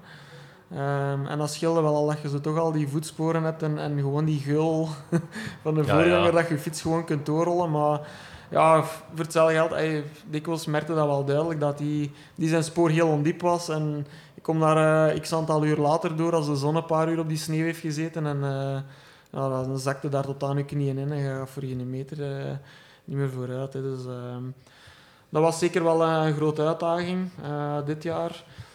Ehm, zeker niet alle jaren het geval. In 2018 denk ik ehm, dat ik misschien 500 meter door de sneeuw heb moeten stappen. En nu was dat echt gewoon ja, kilometers. Ja, ik weet niet in totaal hoeveel, over hoeveel ik zal spreken, maar echt wel, wel behoorlijk wat. En vooral in tijd. Hè. Dus ik denk als dat er, eh, die omstandigheden niet waren geweest, dat, eh, ik denk dat we echt wel nog bijna gemakkelijk een dag van die een tijd hadden kunnen, eh, kunnen afdoen. Ehm, en voor de rest, ja, ik zei het, nog een paar kleine stukjes waar je een keer even de fiets af moet en, en dat wel een keer heel stijl eh, omhoog te doen zijn. Ehm, maar puur naar terrein toe is dat eigenlijk allemaal wel echt fietsbaar. Dus dat je gewoon zodanig moe bent dat je gewoon een keer een stuk moet stappen. Ook wel gebeurt dat je... Het is dan verleidelijk om je gewoon eh, aan de kant van de weg te leggen en eh, gewoon eh, ja, een kwartiertje te powernappen of zo. Maar ja, als je echt wil racen, dan is het gewoon een kwestie van oké, beseffen van vooruitgang maken is nog altijd het belangrijkste. En elke minuut dat je stopt, geeft een cadeau aan, eh, aan die voor en achter u natuurlijk. Hè. Dus dat is, eh, Ja. dan is het gewoon een kwestie van een keer eh, een kwartiertje te stappen of zo. Ik wou, ik wou het eigenlijk vragen van hoe moeilijk is het om ja, pak na een dag of tien te blijven allee, in die race te blijven. Ja, ehm, dat is wel een van de, de moeilijkste dingen aan, aan deze race. Is gewoon ja, ook echt wel de, de lengte ervan. Niet het terrein zozeer, ehm, maar gewoon echt ja, in, in beweging blijven. En inderdaad, na, eigenlijk begint dat wel al na zo'n dag of vier. Dan eh krijg je het echt wel een keer heel lastig en dan eh, wordt dat echt al verleidelijk om gewoon meer te beginnen slapen en zelf gewoon overdag gewoon naast je fiets eh, even neer te vallen en, eh, en te slapen en zo. Maar ehm, ja, dat is echt... eh, vanaf dan is dat eigenlijk wel een gevecht tot, tot als je die finish zit. Om gewoon constant in beweging te blijven. En heel wat tijd is dat echt frustrerend dat je ziet van ah, ik ga echt super traag vooruit. Maar als kwestie van hoe traag dat ook gaat, gewoon blijven trappen. En eh, je weet dat dat uiteindelijk voor, voor die andere, uh, voor je tegenstanders, juist hetzelfde verhaal is. Dus eh, Mooi. ja. Ja, ik zag op Instagram ook iets van dat er op de bepaalde weg dat daar magnesium stond. Nee, daar, daar lag Ja, iets op de weg. ehm, dat stond een bordje, maar... Dat is in die Great Divide Basin. ehm, ja, er wordt nog, nog wel redelijk wat olie opgepompt, denk ik, daar. Of ik weet niet wat juist wat ze daar doen. Ehm, zo eigenlijk op het einde van die, van die weg zo, is daar zo wel wat eh, industrie daaromtrent. En eh, ze doen dat eigenlijk vooral ehm, ja, om, om, als dat daarop regent op die wegen, om die toch zo hard mogelijk eh, te houden voor, voor ja, zwaarder eh, vrachtverkeer. Ah, oké. Maar nou, vroeger ook in, in Alaska een keer gehad. ehm zodat eigenlijk net had een, net hadden opengestrooid. Dat is eigenlijk, ja, ze, ze, ze doen dat met zo'n watertanker, dat ze dat er eigenlijk over, oversproeien. Zo. Ehm, als je daar met je fiets in terechtkomt, eh op de verkeerde momenten, en ja, als dat modderig is, eh, je pakt er altijd wel wat, je behoorlijk wat van mee natuurlijk. En als dat eh, opdroogt, wordt dat echt beenhard, dus dat wordt echt beton. Dus als, je, dat, Ah, als je dat aan je fiets krijgt eh, tussen je aandrijving en je blijft echt in die modderige dingen doorrijden, en dan droogt dat op, dan, ja, dan is echt, echt een Cement. serieus- ja, dat wordt echt op, op het randje van cement inderdaad. Ah, oké, ik snap het. Ja, ja. De- Dus, vandaar die middenvinger. Ja, ja, ja, oké. dat ik wel even schrik had van... eh, ik zag daar in de verte heel wat, eh, wat regen afkomen. En eh, als je dat op het verkeerde moment voor hebt, dan, eh, dan is het echt wel, eh, wel mis. Ja. Ja, en dan rijden richting Moestijn, heb ik in mijn hoofd. Klopt dat? Eh, ja, dat is eigenlijk echt vooral het, het, het allerlaatste stukje passen. Ehm, dus eens dat je zo wat midden Colorado doorzijt, wordt dat wel droger en droger. Ehm, ook direct een stukje warmer uiteraard. En dan eh, eens dat je zo eigenlijk ehm, ja, tot, tot goed over halverwege New Mexico zit, dan begint dat inderdaad echt zo wel... Ja, niet om echt woestijnig te noemen, maar ja, we krijgen wel zo wat die temperaturen eh, overdag. En... eh, ja, echte woestijn is echt wel pas ja, eens dat je echt richting de grens komt. Hè. Ja. Dus die laatste 150 à 200 kilometer is dat eigenlijk heel vlak. En dan en echt wel eh, zo die woestijnachtige vegetatie en, eh, en warmte. ja, nagenoeg geen. Ja, het is geen woestijn gelijk als dat je nu Sahara of zo, Nee, puur nee. zand. Dus er, er is eigenlijk wel nog redelijk wat begroeiing, maar eh, ja, dat is echt ja, zo cactussen en zo die typische, Ja. typische dingen. Hè. Oude contact met thuisfront.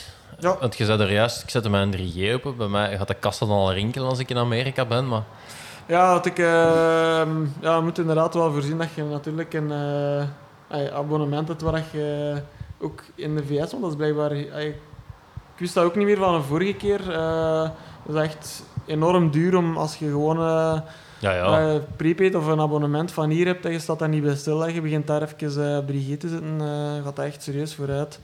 Dus daar moeten we wel rekening mee houden. Maar voor de rest was dat eigenlijk... ja, soms is echt wel van een hele dag geen bereik of zo, maar... eh, ja, echt wel heel wat stukken dat je af en toe wel een keer even ontvangst hebt. En dan ehm, ja, bel of, of stuur wel eens een bericht met thuisfront sowieso.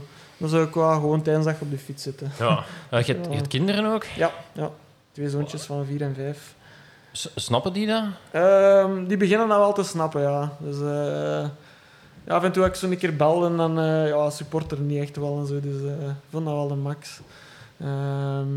Maar ja, in, hoe, in hoeverre dat ze dat echt snappen, in, in, van de omvang van hetgeen waar je mee bezig bent, niet natuurlijk. Hè. Eh, of toch weinig of niet, maar eh, ja, die vinden dat wel, die vinden dat wel wijs. Dus Eh, direct ook wel een goede aardrijkskundeles. voilà. Dat- moet ook al direct het educatieve aan koppelen. eh.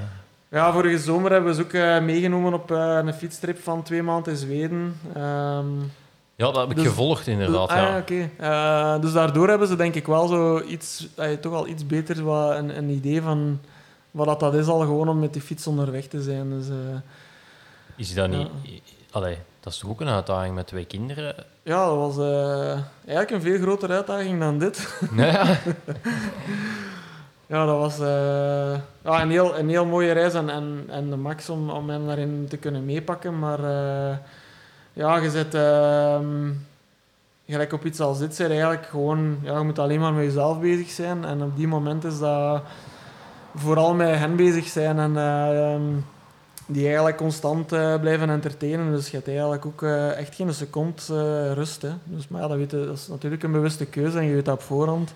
Ja, en Maar, eh, eh, ik kan me inbeelden als jij geen eten hebt, ja, honger en, en, eh, en slaap, oké, kun, je, kun je dan even gaan, maar ja, kinderen, als die, Ja, ja, nee, nee. die dat zijn dan betant als die geen Ja. eten en geen slaap hebben. Dus, eh, Zeker en vast. En daar hadden we ook wel stukken dat, dat we echt wel eh 200, 250 kilometer niks hadden. Eh, met dan eigenlijk een fietskar met twee kindjes in en, eh, en al wat extra gerief dat je ervoor ook nodig hebt, eh, kampeermateriaal en zo. Doet ook geen eh, 300 kilometer op een dag. Hè. Nee, nee, nee. nee. Dus eh was dat soms echt wel voor vier à vijf dagen eh, eten meepakken. Dat is wel altijd eh, toch een beetje spannend. Eh, je weet nooit, ja, rap gebeurt. Zeker omdat dat ook offroad was, je hebt rap iets voor. Dus eh, als je daar ergens eh, te midden in het strand eh, met kinderen bij is, wel een heel ander verhaal. Die een Tour de Fights, soms schrijven ze op de website heel schoon als iets van eh, een beetje de Tour de France, daar, eh, maar dan, maar dan eh, it's only one stage staat erbij. Wat ik wel, wat ik wel eh, grappig vind, dat, dat inderdaad maar, maar één rit is eigenlijk. Heel lange rit, hè. Ja. ja. Hoe, hoe is het als gaan komt? Ehm, ja, deze keer was dat een heel andere ervaring als in 2018. Toen ben ik ja, om vier of vijf uur s'nachts uh, naartoe gekomen aan de finish, volledig alleen. En that's it. Ik kom daartoe, je staat daar en eh, Je wacht op je pick-up. dat is het einde. Ja, zoiets. eh. en ja, dat is wel... Ja, dat heeft echt wel iets. Ehm, gelijk als ik in de podcast van Bikes for That ook had gezegd van... gelijk op French Divide waren ehm, in Frankrijk, ehm, waren mijn ouders en eh, mijn vriendin naar de finish gekomen. En dat is, eh, dat is echt wel de max om direct eh, iemand te hebben die dat je, die dat je graag ziet en zo. Ehm, en, en ja, hier komt hij eigenlijk toe en, en er is niemand. Maar dat heeft ook echt wel iets. Dat is, ja, tenminste ook wel even tijd om, om ja, gewoon even tot besef te komen van ja, gewoon dat, dat, dat, dat erop zit. Hè. Ehm, Ja. al die voorbereiding, die race op zich, eh, dat, is- dat, dat heeft echt wel eh, meer tijd nodig dan, dan, een, dan een paar uurtjes eh, alleen aan die finish te staan. heeft wel wat meer tijd nodig dan dat. Ehm, maar op zich, echt, ja, ik vond dat wel de max toen. eh, dat je daar echt eh, gewoon even helemaal alleen zit. En eh, na een paar uurtjes, een uur of zeven, acht morgens, werd ik dan opgepikt. En, ja, dat, is wel, heeft echt wel iets uniek. Ehm, iets wat eigenlijk vrij weinig andere races wel, wel hebben. Meestal komt altijd wel ergens terecht in een, in een dorpje of zo, waar al, op zijn minst wel mensen om, omtrent zijn. En daar is echt ja, gewoon niks of niemand. Dus, dat is wel echt iets apart. Ehm, deze keer was dan eh, Patrick die dat die podcast eh, doet. eh, die was er eigenlijk aan de finish eh, om mij op te pikken. Dus eh, ja, was dat weer iets helemaal anders om wel direct iemand te hebben die dat er voor u staat. Ook al kende die totaal niet. Ja. Ehm, dat is wel wijs. Ja. Ja. Ik wil vragen, uw voorbereiding, hoe ziet die eruit? Ehm, ja, dat is eigenlijk een lange weg. Ehm, tussen zo wat dat idee krijgen van oké, ik, wil, ik wil die nog eens doen. En ehm, ja, daar effectief voor te beginnen trainen en zo. Ehm, ja, in die training zitten sowieso wel al deels in, omdat, je, ik ook wel gewoon eh, tussen mijn laatste keer dat ik die race heb gedaan en nu, eh er wel wat jaren tussen en ook heel wat andere events, dus je zit wel in een bepaalde flow. Ehm, maar goed, ja, je komt eigenlijk tot een moment van oké, bin- binnen, binnen een jaar is het zover. En dan beginnen dat stilletjes aan wel ja, al die voorbereidingen te treffen. En ehm, is dus dan natuurlijk ja, vooral, vooral het, eh, het, fietsen op zich, eh, de training daar rond eh, te beginnen opbouwen. Ehm, en eigenlijk ja, het laatste half jaar, laatste drie maanden beginnen dan eigenlijk echt wel ehm, ja, specifiek meer training gewijs er naartoe te werken, maar ook wel, dan begin je eigenlijk echt je, je voorbereiding qua route. Eh, ook al is dat een vaste GPS-trek, je moet eigenlijk alles wel terug een keer gaan overlopen van al echt, ja, gelijk dat ik er straks zei, van alles tot in detail gaan, gaan weten van waar vind ik wat. Eh, en aangezien dat je over een hele lange afstand spreekt, is dat wel, wel wat werk.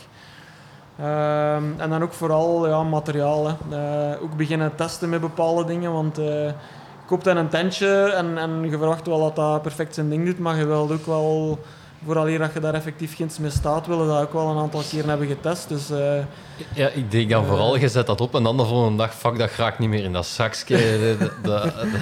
Ja, het is echt wel inderdaad, als je heel efficiënt wilt zijn, moet, moet alles gewoon ja, perfect werken en dat moet allemaal goed vooruit gaan. Dus je wil de, ja, dat- is echt wel op zich een goed voorbeeld. Eh, Ja, ja. Een slapzak in een zakje steken, dat, dat gaat eigenlijk heel wat minder vlot als je dat thuis doet dan dat je, dan dat, je dat ginds moet gaan doen na dag drie. Zo. Dat eh, zijn zo van die heel, heel stomme dingen, dus je moet er allemaal wel bij stilstaan en op voorhand eh, ja, heel je setup, elk, elk klein dingetje dat je mee hebt, die, alles heeft eigenlijk ja, echt zijn plek op je fiets. En, ehm, dat is wel eh, wat experimenteren, hoe dat eigenlijk alles...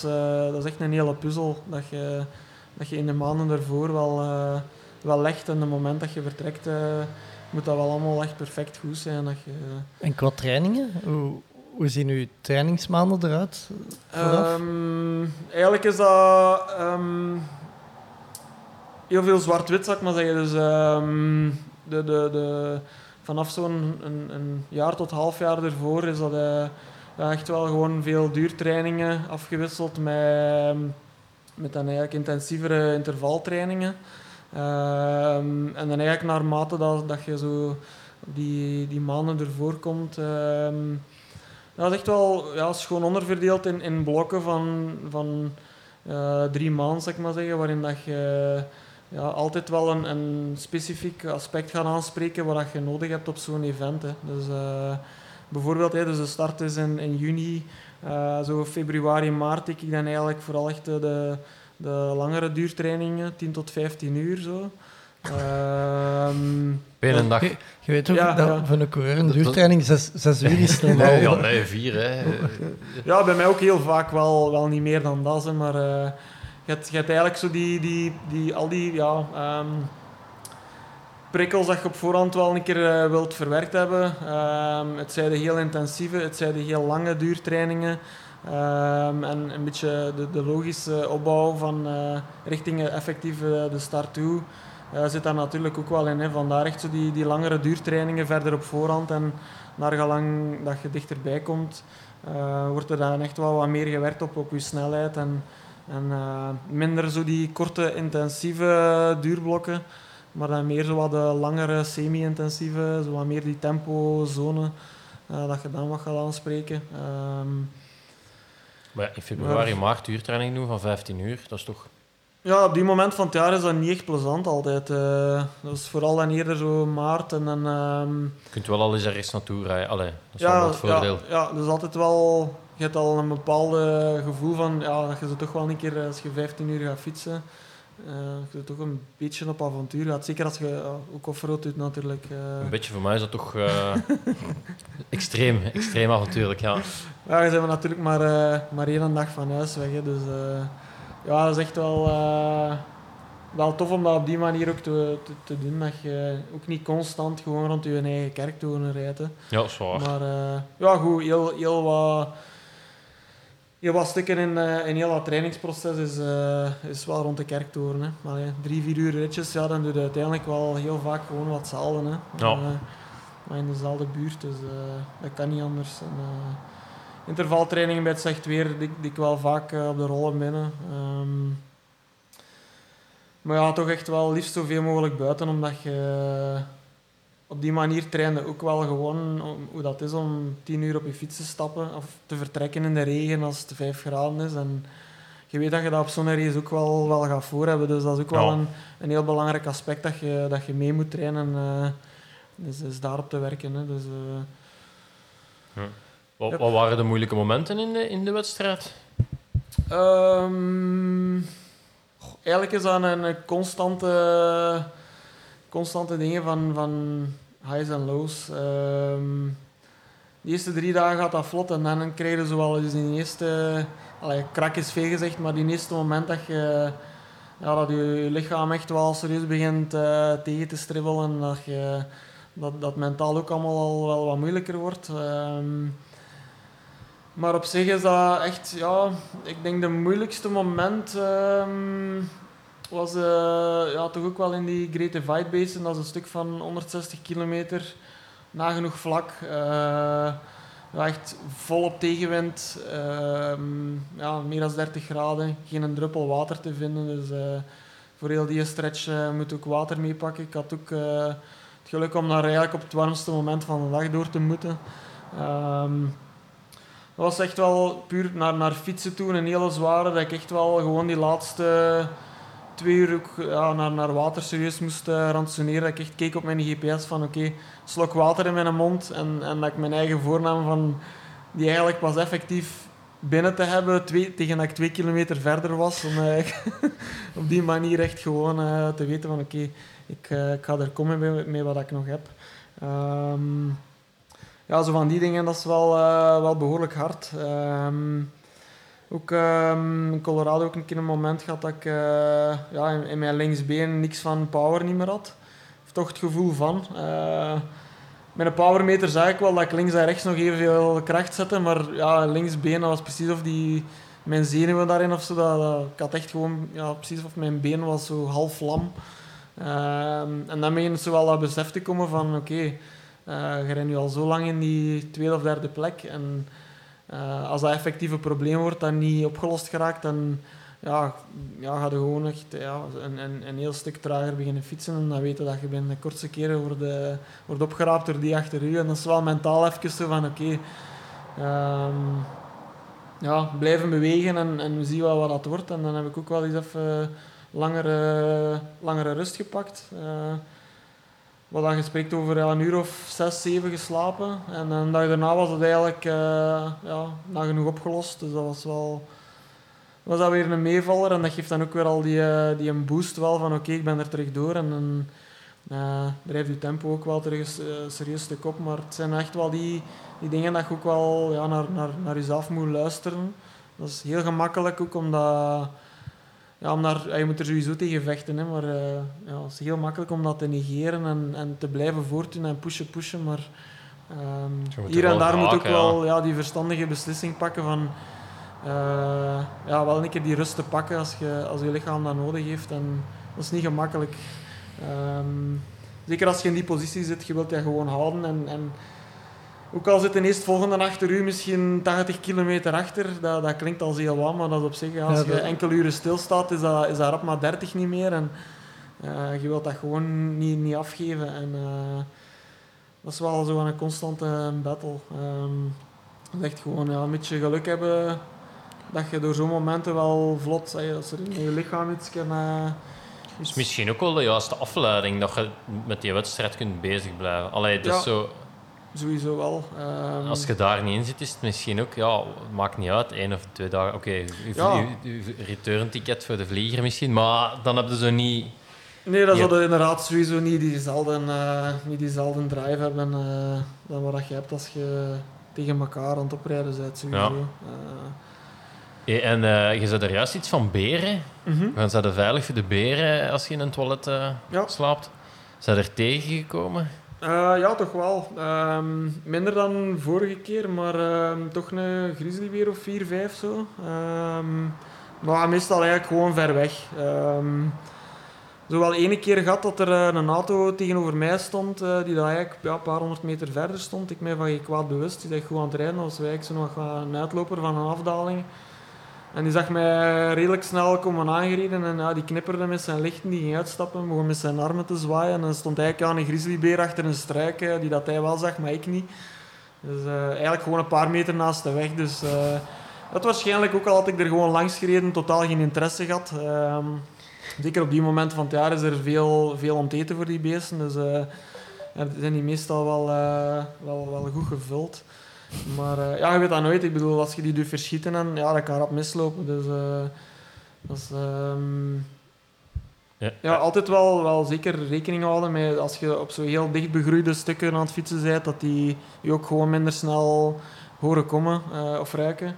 Ehm, dat je wel, wel hier en daar al een keer wat extra lawaai maakt en zo. Dat je, ja, dat je gewoon niet in confrontatie komt. Dat is eigenlijk een beetje het, het, het, het, het grootste gevaar om, om echt wel eh, aangevallen te worden. Ehm, Zijn er al problemen geweest in het verleden? ehm, In die ja. wedstrijd of zo, met Ja. andere deelnemers? Ja, zelfs, zelfs deze keer had ik, ehm, ik denk van de vijfde finisher die dat, eh, op, op, op een nacht ook in eh, het toilet aan het slapen was en die dat, die dat ineens ja, zo'n hele luide toeter hoorde, zo'n paar keer naar elkaar. Hij werd ervan wakker en zo, wat is dat hier nu? Eh, je zit daar uiteindelijk in middle of nowhere in één keer hoorde aan een toeter gaan op eh, misschien 50 meter afstand. Dus blijkbaar was er nog eh, iemand anders of zo, iemand, iemand die daar niet aan het racen was. Maar maakt niet uit, ook een fietser die dat de route aan het toeren was en die, ja, die had zijn eten eigenlijk perfect weggelegd. Dus op veel van die campgrounds zijn er ook zo van die boxen waar je eten kunt inleggen. Maar je hebt altijd genoeg dingen aan, aan jezelf, aan je fiets dat naast je tent ligt, noem maar op, die dat ja, ruiken.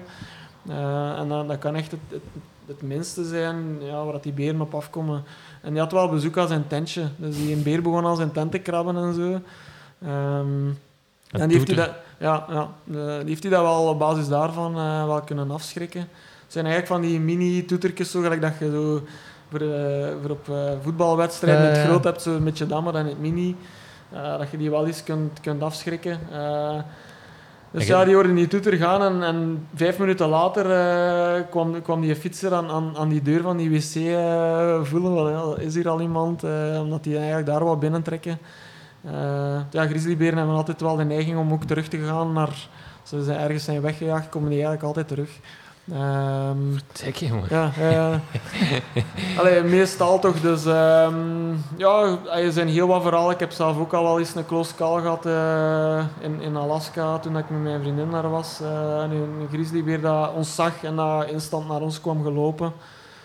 Ehm, dus ja, eh alleszins wel wat ja, enkele spannende momenten meegemaakt met die beren, maar nog nooit echt iets ja, te spannend. Wat zijn zo je mooiste momenten gedurende de 15 dagen? Ehm, ja, dat is eigenlijk ja, moeilijk te zeggen. Ik denk de mooiste momenten zijn gewoon heel simpele dingen. Zo, ehm, op een heel mooie plek waar dat je, op, op, met een mooie zonsondergang bijvoorbeeld, zo die dingen.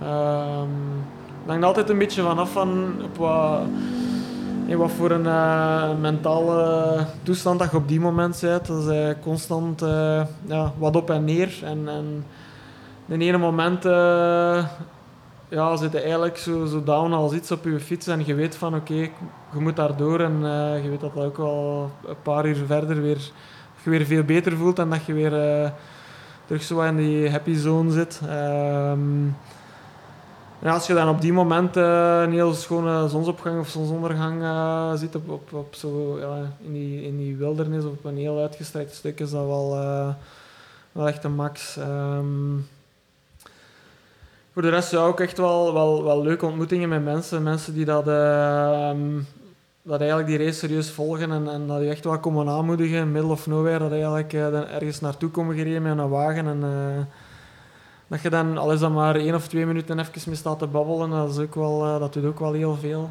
Eh, het is wel een keer tof om dan eh, ja, een minuutje iemand te hebben om tegen te praten, zo die dingen. Ehm, Gaat nog geen volleybal met een hand Wilson genoemd en zo'n dingen hebben niet Dat nog niet, dat nog niet.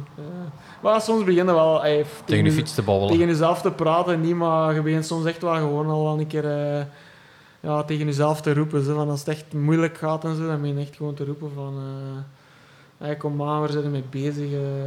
ik ben daar zeker niet de enige in. Ik doe dat al soms dat ik met de fiets aan het werken. Ja. zo in Sony auto of zo. Ja, we moeten stilletjes afronden, maar... ehm, eh, ja, wat, wat, zijn nu, wat zijn er nog de wilde plannen? Bucketlist? eh het Ehm, volgende? Een winnen? Voor, voor dit jaar ehm, heb ik eigenlijk momenteel nog niet echt iets eh, heel concreet gepland. Omdat ja, dit was echt wel een heel groot doel wat dat naar voorbereiding en zo toe eh, heel wat tijd heeft gekost. Tuurlijk, ja. Ehm, ja, mijn vriendin die doet ook zelf eh, dat soort events. Die gaat eh, in oktober eh, dan een Atlas Mountain doen in Marokko. Eh, dus het is eh, nu ook wel even eh, tijd voor haar om, om meer tijd te kunnen steken in training en, en, en voorbereiding. Ehm, dus ja, ik denk dat ik vooral voor dit jaar nog wel, wat kortere events dichter bij huis ga doen. Ehm, zo één à twee daagse races of zo. Ehm, maar ik ben al sinds wel al terug ja, volop aan het denken aan, eh, ja, aan andere dingen voor, voor volgend jaar. eh. ik heb sowieso echt super veel zin om, om dit jaar ook wel nog. eh, ik zou heel graag nog een aantal eh grotere dingen doen ook, maar ja, ik vrees dat er eh, niet meteen echt van gaat komen. Ehm, vooral ook ja, eh, een tijd weg van huis te zijn. Ik heb al heel, heel veel geluk dat ik hier op het werk heel veel vakantie krijg. Maar dat is natuurlijk ook niet eindeloos. Hè, dus, we service. Pieters, dus nog eens vermullen, dan weer wat extra krediet. Eh. Ja, nee, dat is wel de max dat ze mij dat gunnen hier. ehm, in, in vol seizoen eh, als mechanieker een maand, eh, maand weg uit in atelier is natuurlijk wel, eh, wel niet altijd evident ehm, om dat gedaan te krijgen. Dus eh, ik ben wel heel dankbaar voor. Ehm, Noem eens wat, wat events op die, er, die dat je in je hoofd hebt of waar je... Naar volgend jaar toe denk ik, eh, ik zou op zich ook wel heel graag de Transcontinental eens rijden. Eh, eigenlijk een heel vergelijkbaar iets, maar dan eh, zeker naar, naar afstand toe, maar dan eh, op de weg natuurlijk. Ehm, iets wat mij er wel nog wat in tegenhoudt is gewoon het feit, ik krijg wel liefst offroad sowieso.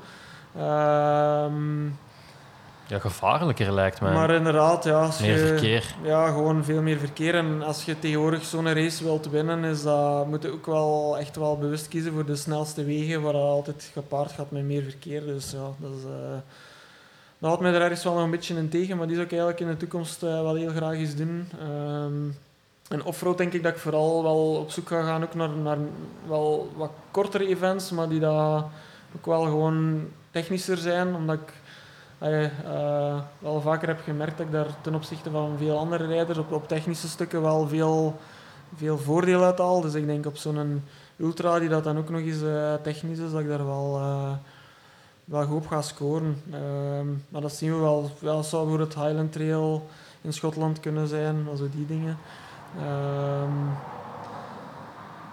De Silk Road Mountain Race ik heel graag doen. Dat is ehm, in augustus in eh Kyrgyzstan. Die eh, is een, een 17, 1800 kilometer, ook een hele zware. Vooral door de ja, ook weersomstandigheden, hoogte, heel afgelegen, zo die dingen. Dat is, ook Oh, ik juist ja. te zeggen, veel dorpjes. eh. Nee, nee, nee, er is inderdaad ook niet echt, eh, niet echt heel veel. En hetgeen dat er is, is ook gewoon ja, zo totaal anders dan eigenlijk op eh Tour de Fight. Is uiteindelijk een heel westerse wereld in waar je rondfietst. Hè. Ik bedoel, eh, stapte je een tankstation binnen of, of dingen, alles van winkels en bevoorradingen, dat is, ah, ja, uiteindelijk is dat allemaal redelijk gelijkaardig met wat je hier vindt. Als je naar zo'n landen gaat, of gelijk in Marokko, dat is ja, de winkeltjes of dingen dat je daar vindt, dat is totaal niet te vergelijken. Dat is echt wel een compleet andere cultuur, wat ik ook wel echt de max vind. Dus, eh, Maar, maar één soort monster eh, om te drinken. Niet alle kleurtjes. precies. Ja. Er zijn de keuzes echt wel rapper gemaakt.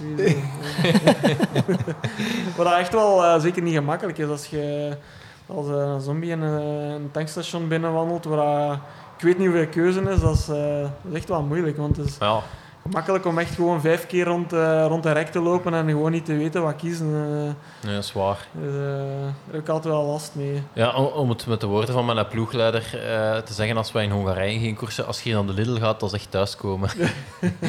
Ja, dat is een feit. Eh, nee, ik heb nog een vraag. Klein drie jaar geleden hadden we Olivier van Fietsen King te gast, Ja, die ons het begrip de Sherman snack leerde kennen. Ja. Eh, last van gehad? Of? Nee, ja ehm, off-road moet dat inderdaad nog. Ja, ik heb dat wel al ehm, ah op heel wat vorige events wel, wel behoorlijk wat mensen allee, last van weten hebben. Ik zelf nog nooit. Ehm, ik denk dat meestal, ehm, allee, ik kies ook altijd wel naar, naar setup van mijn fiets en zo, voor, voor echt wel meer comfort. En ehm gelijk wordt het op een Atlas Mountain Race vorig jaar, denk ik dat er in een top 10 vier, vier of zo waren die dat daar... eh, die dat, eh, Sherman's Neck syndroom hadden. Ehm, die dat eigenlijk die race eh, aangevat waren met meer een gravelbike. Eh, dus ja, minder comfort van je banden, geen voorvering en zo. En dan, dan begint dat natuurlijk eh, ja, veel rapper op te treden, zoiets. Hè. Maar ja, ik ben blij dat ik dat tot hiertoe nog nooit heb moeten En dingen, hoe noem het? ervaren. Ja, dan zal je handen slapen. Eh, ja, ah, wel, op deze moment heb ik eigenlijk nog in mijn rechtshand nog twee vingers die dat, die dat eigenlijk zo wel ja, half gevoelloos zijn. Maar ik mag, mag er zeker niet van klagen. Ja, nee, je, moet, je moet hier straks op beers in één gaan vijzen. Ja, dat, voilà. moet, dat moet- Ehm, maar zo echt zo die, die ja, fijne motorische dingen heb ik eigenlijk geen last van. Ik bedoel, er zijn genoeg mensen die dat Tour Divide finishen, die dat eigenlijk ja, echt wel moeten geopereerd worden en zo achteraf, die dat inderdaad die, die kar- karpentunnel...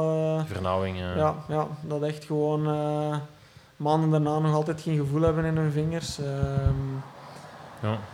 ja, het is echt een kwestie van echt wel de juiste keuzes maken en, en zien dat gewoon, ja... Kun, kun je Divide met een gravelfiets rijden, bijvoorbeeld? Ehm, Of dat dat kan zeker. Er zijn, er zijn heel wat mensen, eh, toch wel behoorlijk wat die dat, die dat, dat doen. Maar dan wel zo meer met het, eh, het type zo wat een adventure gravel, waar je echt ook wel de minstens 2.0 banden tussen krijgt. Eh, dat is echt wel een minimum. Zo. Ja. Ehm, het is eigenlijk over het algemeen zo wat iets tussen gravel en mountainbike, eh, dat echt wel, wel het beste is. Eh, vorige keer heb ik het ook gedaan met eh, zo'n Salsa Cutroad. Dat is eigenlijk een mountainbike met wel een gravelstuur, zonder voorvering, maar ehm, ja, ik zou, het- ik het nooit niet meer opnieuw doen. Het is wel een keuze dat veel mensen nog maken, hè. niks mis mee. Dat is een beetje iedereen zijn eigen... een beetje weten van jezelf wat je aan kunt. En, vorige keer had ik eigenlijk ja, bijna twee maanden geen gevoel in mijn vingers. Eh, dat gevoel wil ik deze keer wel echt eh, vermijden. Vandaar ook wel eh, ja, meer gewoon cross-country mountainbike met voorvering en niet te veel Ja. bandenspanning en zo die dingen. Dat helpt wel. Ik vond dat jij nog met, jij met Vittoria Mescal banden. Ja, ja. Ik, heb die, ik heb die ooit zelf eens getest voor, voor de hel van Kasterlee mee te rijden. En ik heb die, op, op één dag heb ik die allebei kapot gereden. Echt?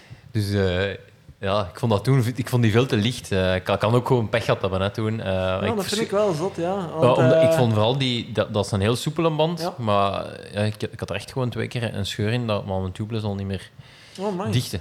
Ehm, Ehm, ja, bij mij is dat eigenlijk zo wel echt een beetje mijn standaard band dat ik altijd...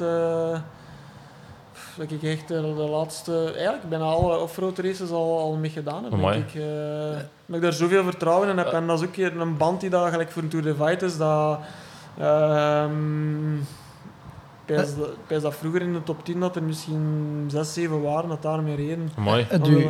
Heb u binnenbanden moeten aanspreken? Nee, ik heb eigenlijk... Eh, ja, dat is nog wel een goede vraag. Ehm, eigenlijk niks van, van pannen gehad, zelf geen, eh, geen lekken met een buitenband, totaal niks. Dus Mooi. eh, geen binnenband moeten gebruiken. Oké, go- goeie Alles, keuze dan. eh, smooth, ja. Ja, mijn achterband die was wel goed versleten, maar oké, na, na 4300 kilometer is dat... Normaal. Offroad moet je daar inderdaad niet van klagen. Ehm, De hebben die moeten vervangen? eh, nee, ik heb eigenlijk eh, na 1200 kilometer eh, had ik wel een, een nieuwe ketting voorzien. Ehm, om eigenlijk ja, die, die slijtage ook wat te voorkomen. En, en om te weten van oké, eh, je weet nooit wat dat de weersomstandigheden worden. En dan kan soms eh, die slijtage op je aandrijving kan soms echt ja, op, op 500 tot 1000 kilometer, als je heel wat in de modder ineens terechtkomt, eh kan dat heel wat rapper gaan. Maar om dat zo goed mogelijk voor te zijn, ja, wel, wel daar eigenlijk die ketting gewisseld om te weten van oké, het is dan nog een 3000 kilometer, kan ik wel met die ketting-cassette combinatie wel, wel uitrijden. Ja. Eh, vorige keer had ik dat eigenlijk niet gedaan. En dan was die ketting echt wel serieus versleten naar het einde toe. Dat echt wel op het randje weer van... Ja, dat je ook gewoon meer weerstand begint te krijgen daaruit. En eh, toen had ik wel die rijeerwieltjes gewisseld. Eh, die waren nu eigenlijk echt nog perfect goed. Ehm, Oké. ja. Ja, misschien om af te ronden, nog, heb je als mensen zoals ik, minder avontuurlijk, die zeggen van toch, ik wil, ik wil, ik wil me er eens aan wagen, is, waar begin heb je, evenem- evenementen dat je zegt, dat is echt iets goed om het, om het te leren. Ik weet dat de Dirty Board, die hebben een, een, een bikepackers... eh, Ja. goh, ja, tegenwoordig, ehm, die, de events komen al echt als, als paddenstoelen uit de grond. Ehm, ik denk eh, voor zoiets dat eigenlijk gewoon eender welk event dat je doet dat het belangrijkste is, of, of zelf geen event, zoals zeggen van, weet ik, is gewoon eh, een, een ferme, uitdagende route, waarbij dat eigenlijk het, avontuur vanzelf komt.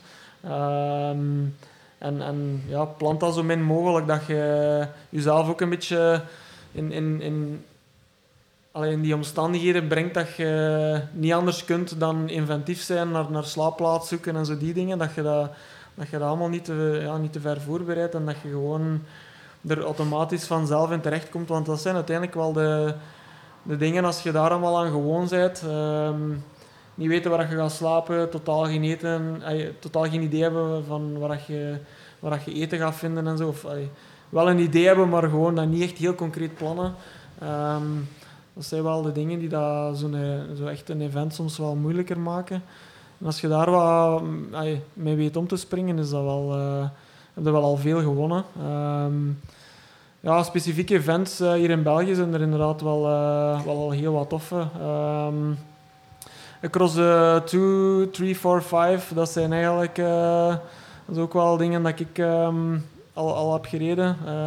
Ah, zeker across the 2 en 3. dat is toch ook heel technisch, nee? Is dat zijn eens- inderdaad al wel wat technischer en op zich maar 500 kilometer. eh, Cross the Tree dan bijvoorbeeld, die heb ik al, al drie keer gedaan en één keer niet gefinished. Ehm, die dat, is maar 500 kilometer, maar je hebt wel 10.000 hoogtemeters en, en ja, op wel behoorlijk uitdagend terrein. En dat is ook gewoon constant op en af. En, eh, ehm, dat is echt wel een goeie om, om, om jezelf al zo'n keer eh, echt wel mentaal te moeten pushen. Eh, zeker Ja, als dat iets is dat je allee, instapt als niet ervaren bikepacker, zo gezegd.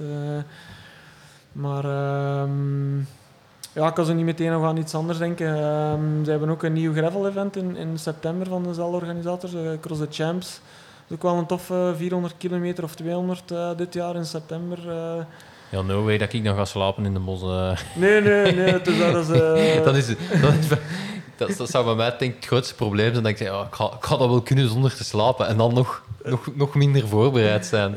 Ja, zo op die manier dat je eigenlijk ergens strandt en eh, helemaal niks bijt. Maar, eh, Ja. Ehm, dat is wel zeker een aanrader. Eh, dat is heel toegankelijk, ook qua terrein en zo. Ehm, maar er is gewoon zoveel. Bikepacking.com staan heel wat toffe eh, routes dat je, dat je gewoon GPX'en van kunt downloaden. En, eh, met wel al heel wat info bij. En het is gewoon vertrekken en doen eigenlijk. Hè. Uh, Ja. Eender wat. Nog voordat we afsluiten, ik had gehoord in de Bikes for Dead podcast dat de man die derde was op een fiets van u reed. Juist. Op, op, zich ook, eh, op zich ook nog eh, een best lang verhaal, maar om dat even kort te schetsen. Dus Adrien, een Zwitser die dat ik eigenlijk al, al, al een paar voorgaande events tegen, te- tegen geraced heb.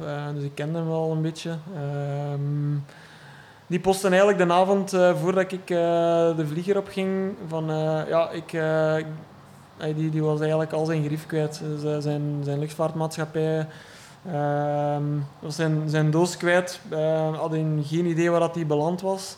Dus hij had eigenlijk geen fiets niet meer, geen gerief. Het enige dat hij nog had was eh, zijn schoenen, wat elektronica en zijn twee GPS'en. Dat was het.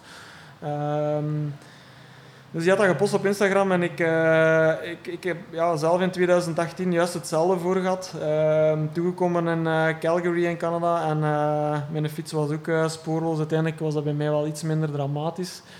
Ehm, die was gewoon, ja, ey, gewoon hè, was op een verkeerde vlucht geraakt. Dus ik, die zat in het zuiden van de VS in Texas. En dat was uiteindelijk ook heel spannend, want ik ben dan uiteindelijk maar aan mijn fiets geraakt Ja.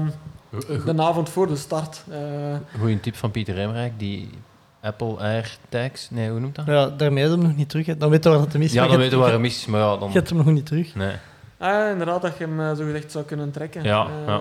Tot tegenwoordig kan wel helpen. kost dat niet meer ja. zoveel. En, Ja, dat is juist. Ja. Ehm, en ja, ook een hele goeie is, zeker voordat je naar zo de start van zo'n eh, een race gaat, is eh, gewoon een directe vlucht pakken. ja, kan misschien iets meer kosten, maar dat is echt, ja, het gebeurt echt wel vaker eh, dat zoiets gebeurt. En dat is echt gewoon eh, dat gedoe niet waard. Maar goed, dus hij de avond ervoor ehm, dat bericht gezien en ja, ik had hem eigenlijk direct gestuurd van ja, als je wilt kan, kan ik u mijn fiets nog meebrengen. Dat was op die moment nog gewoon een frameset eh, die dan in mijn atelier thuis lag. En, ja, dat was dan eh, wel nog even spannend om dat allemaal gedaan te krijgen. Dus eh, mijn vriendin hier naar de winkel gekomen, nog om eh, een nieuwe cassette, ketting, kettingblad, nieuwe banden, al, al hetgeen dat ik thuis niet had liggen. om die fiets eigenlijk terug op te bouwen, rap rap. Ja, dat is ook niet de eerste en beste na race. Ik bedoel, meer dan 4000 kilometer, dan moet je fiets ook al wel iets zijn. Hè. Dat is geen... nee, nee. geen cross de drie dat je twee dagen of zo weg bent.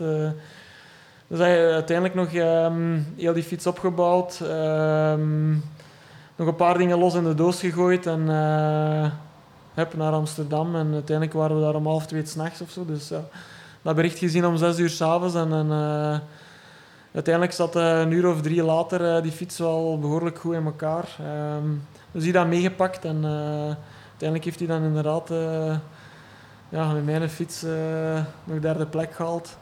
Zotte prestatie, want die, die gast... Hoeveel was hem achter u? Ehm, Maar die durft u toch niet halen, maar... ik, ja, ik weet het niet meer Tijd om exact. die fiets terug te claimen dan. Het moment dat hij niet haalt. Ja, hij zat mij wel kort op de hiel. En eh, ik denk een uur of vier, vijf of zo. Nee, dat is wel niet Eh, veel. Ja, op een gegeven moment begon ik wel... eh uh, lichtjes spijt te krijgen dat ik niet wat WD-40 is en eh braké had gespoten dat hem na een week of zo weer ergens moest gaan vervangen. En, nee, nee. Ehm, dat was wel close en op zich wel, wel ja, ook gewoon een max dat vooral dat hij dan uiteindelijk eh, gewoon nog achter mij finisht. eh. dat is wel echt... eh, En dan die... tof dat, zeker voor hem ook, gewoon dat hem die race heeft kunnen starten. Heb je die fiets dan terug meegenomen? ja, ja. Kun, kunnen nu verkopen, slechts eenmaal mee gereden. ja. Nee, ik moet eigenlijk nog altijd, hij zit nog, eerlijk gezegd, nog altijd in de doos momenteel. Ik moet nog altijd een keer even de schade gaan opmeten. Ja. is wel natuurlijk die een afstand, ik bedoel, ja, alle lagers en dingen, dat is allemaal eh, versleten, aandrijving en zo. dat Ook wel een eh, risico, want stel nu ja, dat hij niet terug is voordat jij je vlieger terug hebt. Ja, inderdaad. ehm, ja, dan had hij die wel terug eh, meegenomen naar huis en die van in Zwitserland of zo even terug naar huis gebracht. Dus wow. stel ik hem op voorhand eh, op zich geen vragen bij. Dat zijn zo van die dingen, dat komt, allee, dat komt dan uiteindelijk altijd wel goed. Had dat nu een Amerikaan geweest of zo, dan had ik mij misschien wel eh, nog eens extra over nagedacht. Maar omdat hij uiteindelijk hier eh, bij wijze van spreken bij de deur woont, eh, ja, ging dat altijd wel, wel terechtkomen. Ik had eerder een beetje schrik om... ja, om het feit van, oké, op die moment, alles kon nog gebeuren. Voor hetzelfde geld kwam zijn fiets wel nog terecht aan de start. En, En dan stond ik daar met een extra fiets en had hij zijn eigen fiets. Dus ja, wat gingen we dan doen? Dus, maar er was allemaal geen tijd, eh, geen tijd voor om daarover na te denken. Het was echt gewoon alles of niks. En eh, die fiets eh klaar krijgen en meepakken. En, En wat is er met zijn fiets gebeurd uiteindelijk? Ehm, ik weet het niet exact, maar ik weet wel dat hij hem ondertussen al terug heeft. Ik denk dat zijn, eh, zijn luchtvaartmaatschappij die, eh, die naar hem thuis of zo heeft, eh, heeft gebracht uiteindelijk. Ja. Nou ja. Heeft hij wel Zwitserse chocolade opgestuurd of zo? Toch iets? eh, nee. Nee, nog niet. Eh, Maar ik hoorde, ik kwam over het laatst Claire Michel tegen. Eh, en die zei dat in Canada blijkbaar altijd een groot probleem is fietsen. En ik had gezien op Instagram Hayden Wild. Ah ja. Die, die, eh, die hadden een, een WTS-cup in, in Canada gehad. Eh, die zijn fiets was op drie dagen tijd van de ene kant van de luchthaven verplaatst aan de andere kant. Die, die, die had ook een, een airtag in zijn fietszak steken. En die had dan zo, ja, voor te lachen, een verhaal gemaakt. Zo, eh, op drie dagen is mijn fiets wel van daar naar toch, daar toch gegaan. al zo Ja. ver. De- En, en hij was er dan ook nog ergens anders op aan het wachten? Of, ja, eh, die, ik denk dat hij in België of in... Ik weet niet waar dat hem zat. eh, Ja, maar blijkbaar dat al die fietsen van al die triatleten daar zijn achtergebleven eh, dat weekend. Dus ja, Ja, dat willen we liever niet meemaken. Nee. Ja, ja, het probleem zit dan vaak in, eh, in een transfer. Hè. Van de Mm. ene vlucht naar een andere, dat daar ergens wel iets misloopt. eh. ja. ja, Goed, Manu. eh, we gaan u laten werken. yes. Je moet in gang schieten. Eh, dikke merci voor uw tijd. Ja, graag gedaan, Gulle. Merci om al eh, zo vroeg naar uh, Dendermonde te komen. Geen probleem, graag gedaan. Seppe, Dus, merci om mee af te zakken tot in Dendermonde. Yes, graag gedaan. Deze was het voor mij voor deze week. Tot volgende week. Willen ze niet of willen ze niet? Doen we het of doen we het niet? Tommeke, Tommeke, Tommeke, wat doe je nu? Tom Bonne gaat wereldkampioen worden. Hij rijdt 5 per uur. Te snel voor ons. Danny, stay on your fight! Fred gaat. En nog Fred. Chef, doen is iets. Chef! Wat is er mis met Dumoulin? Hollands poepen. Hij heeft diarree. Don't stand on my dog or I cut your head off. Daar is hem, daar is hem! Daar is hem!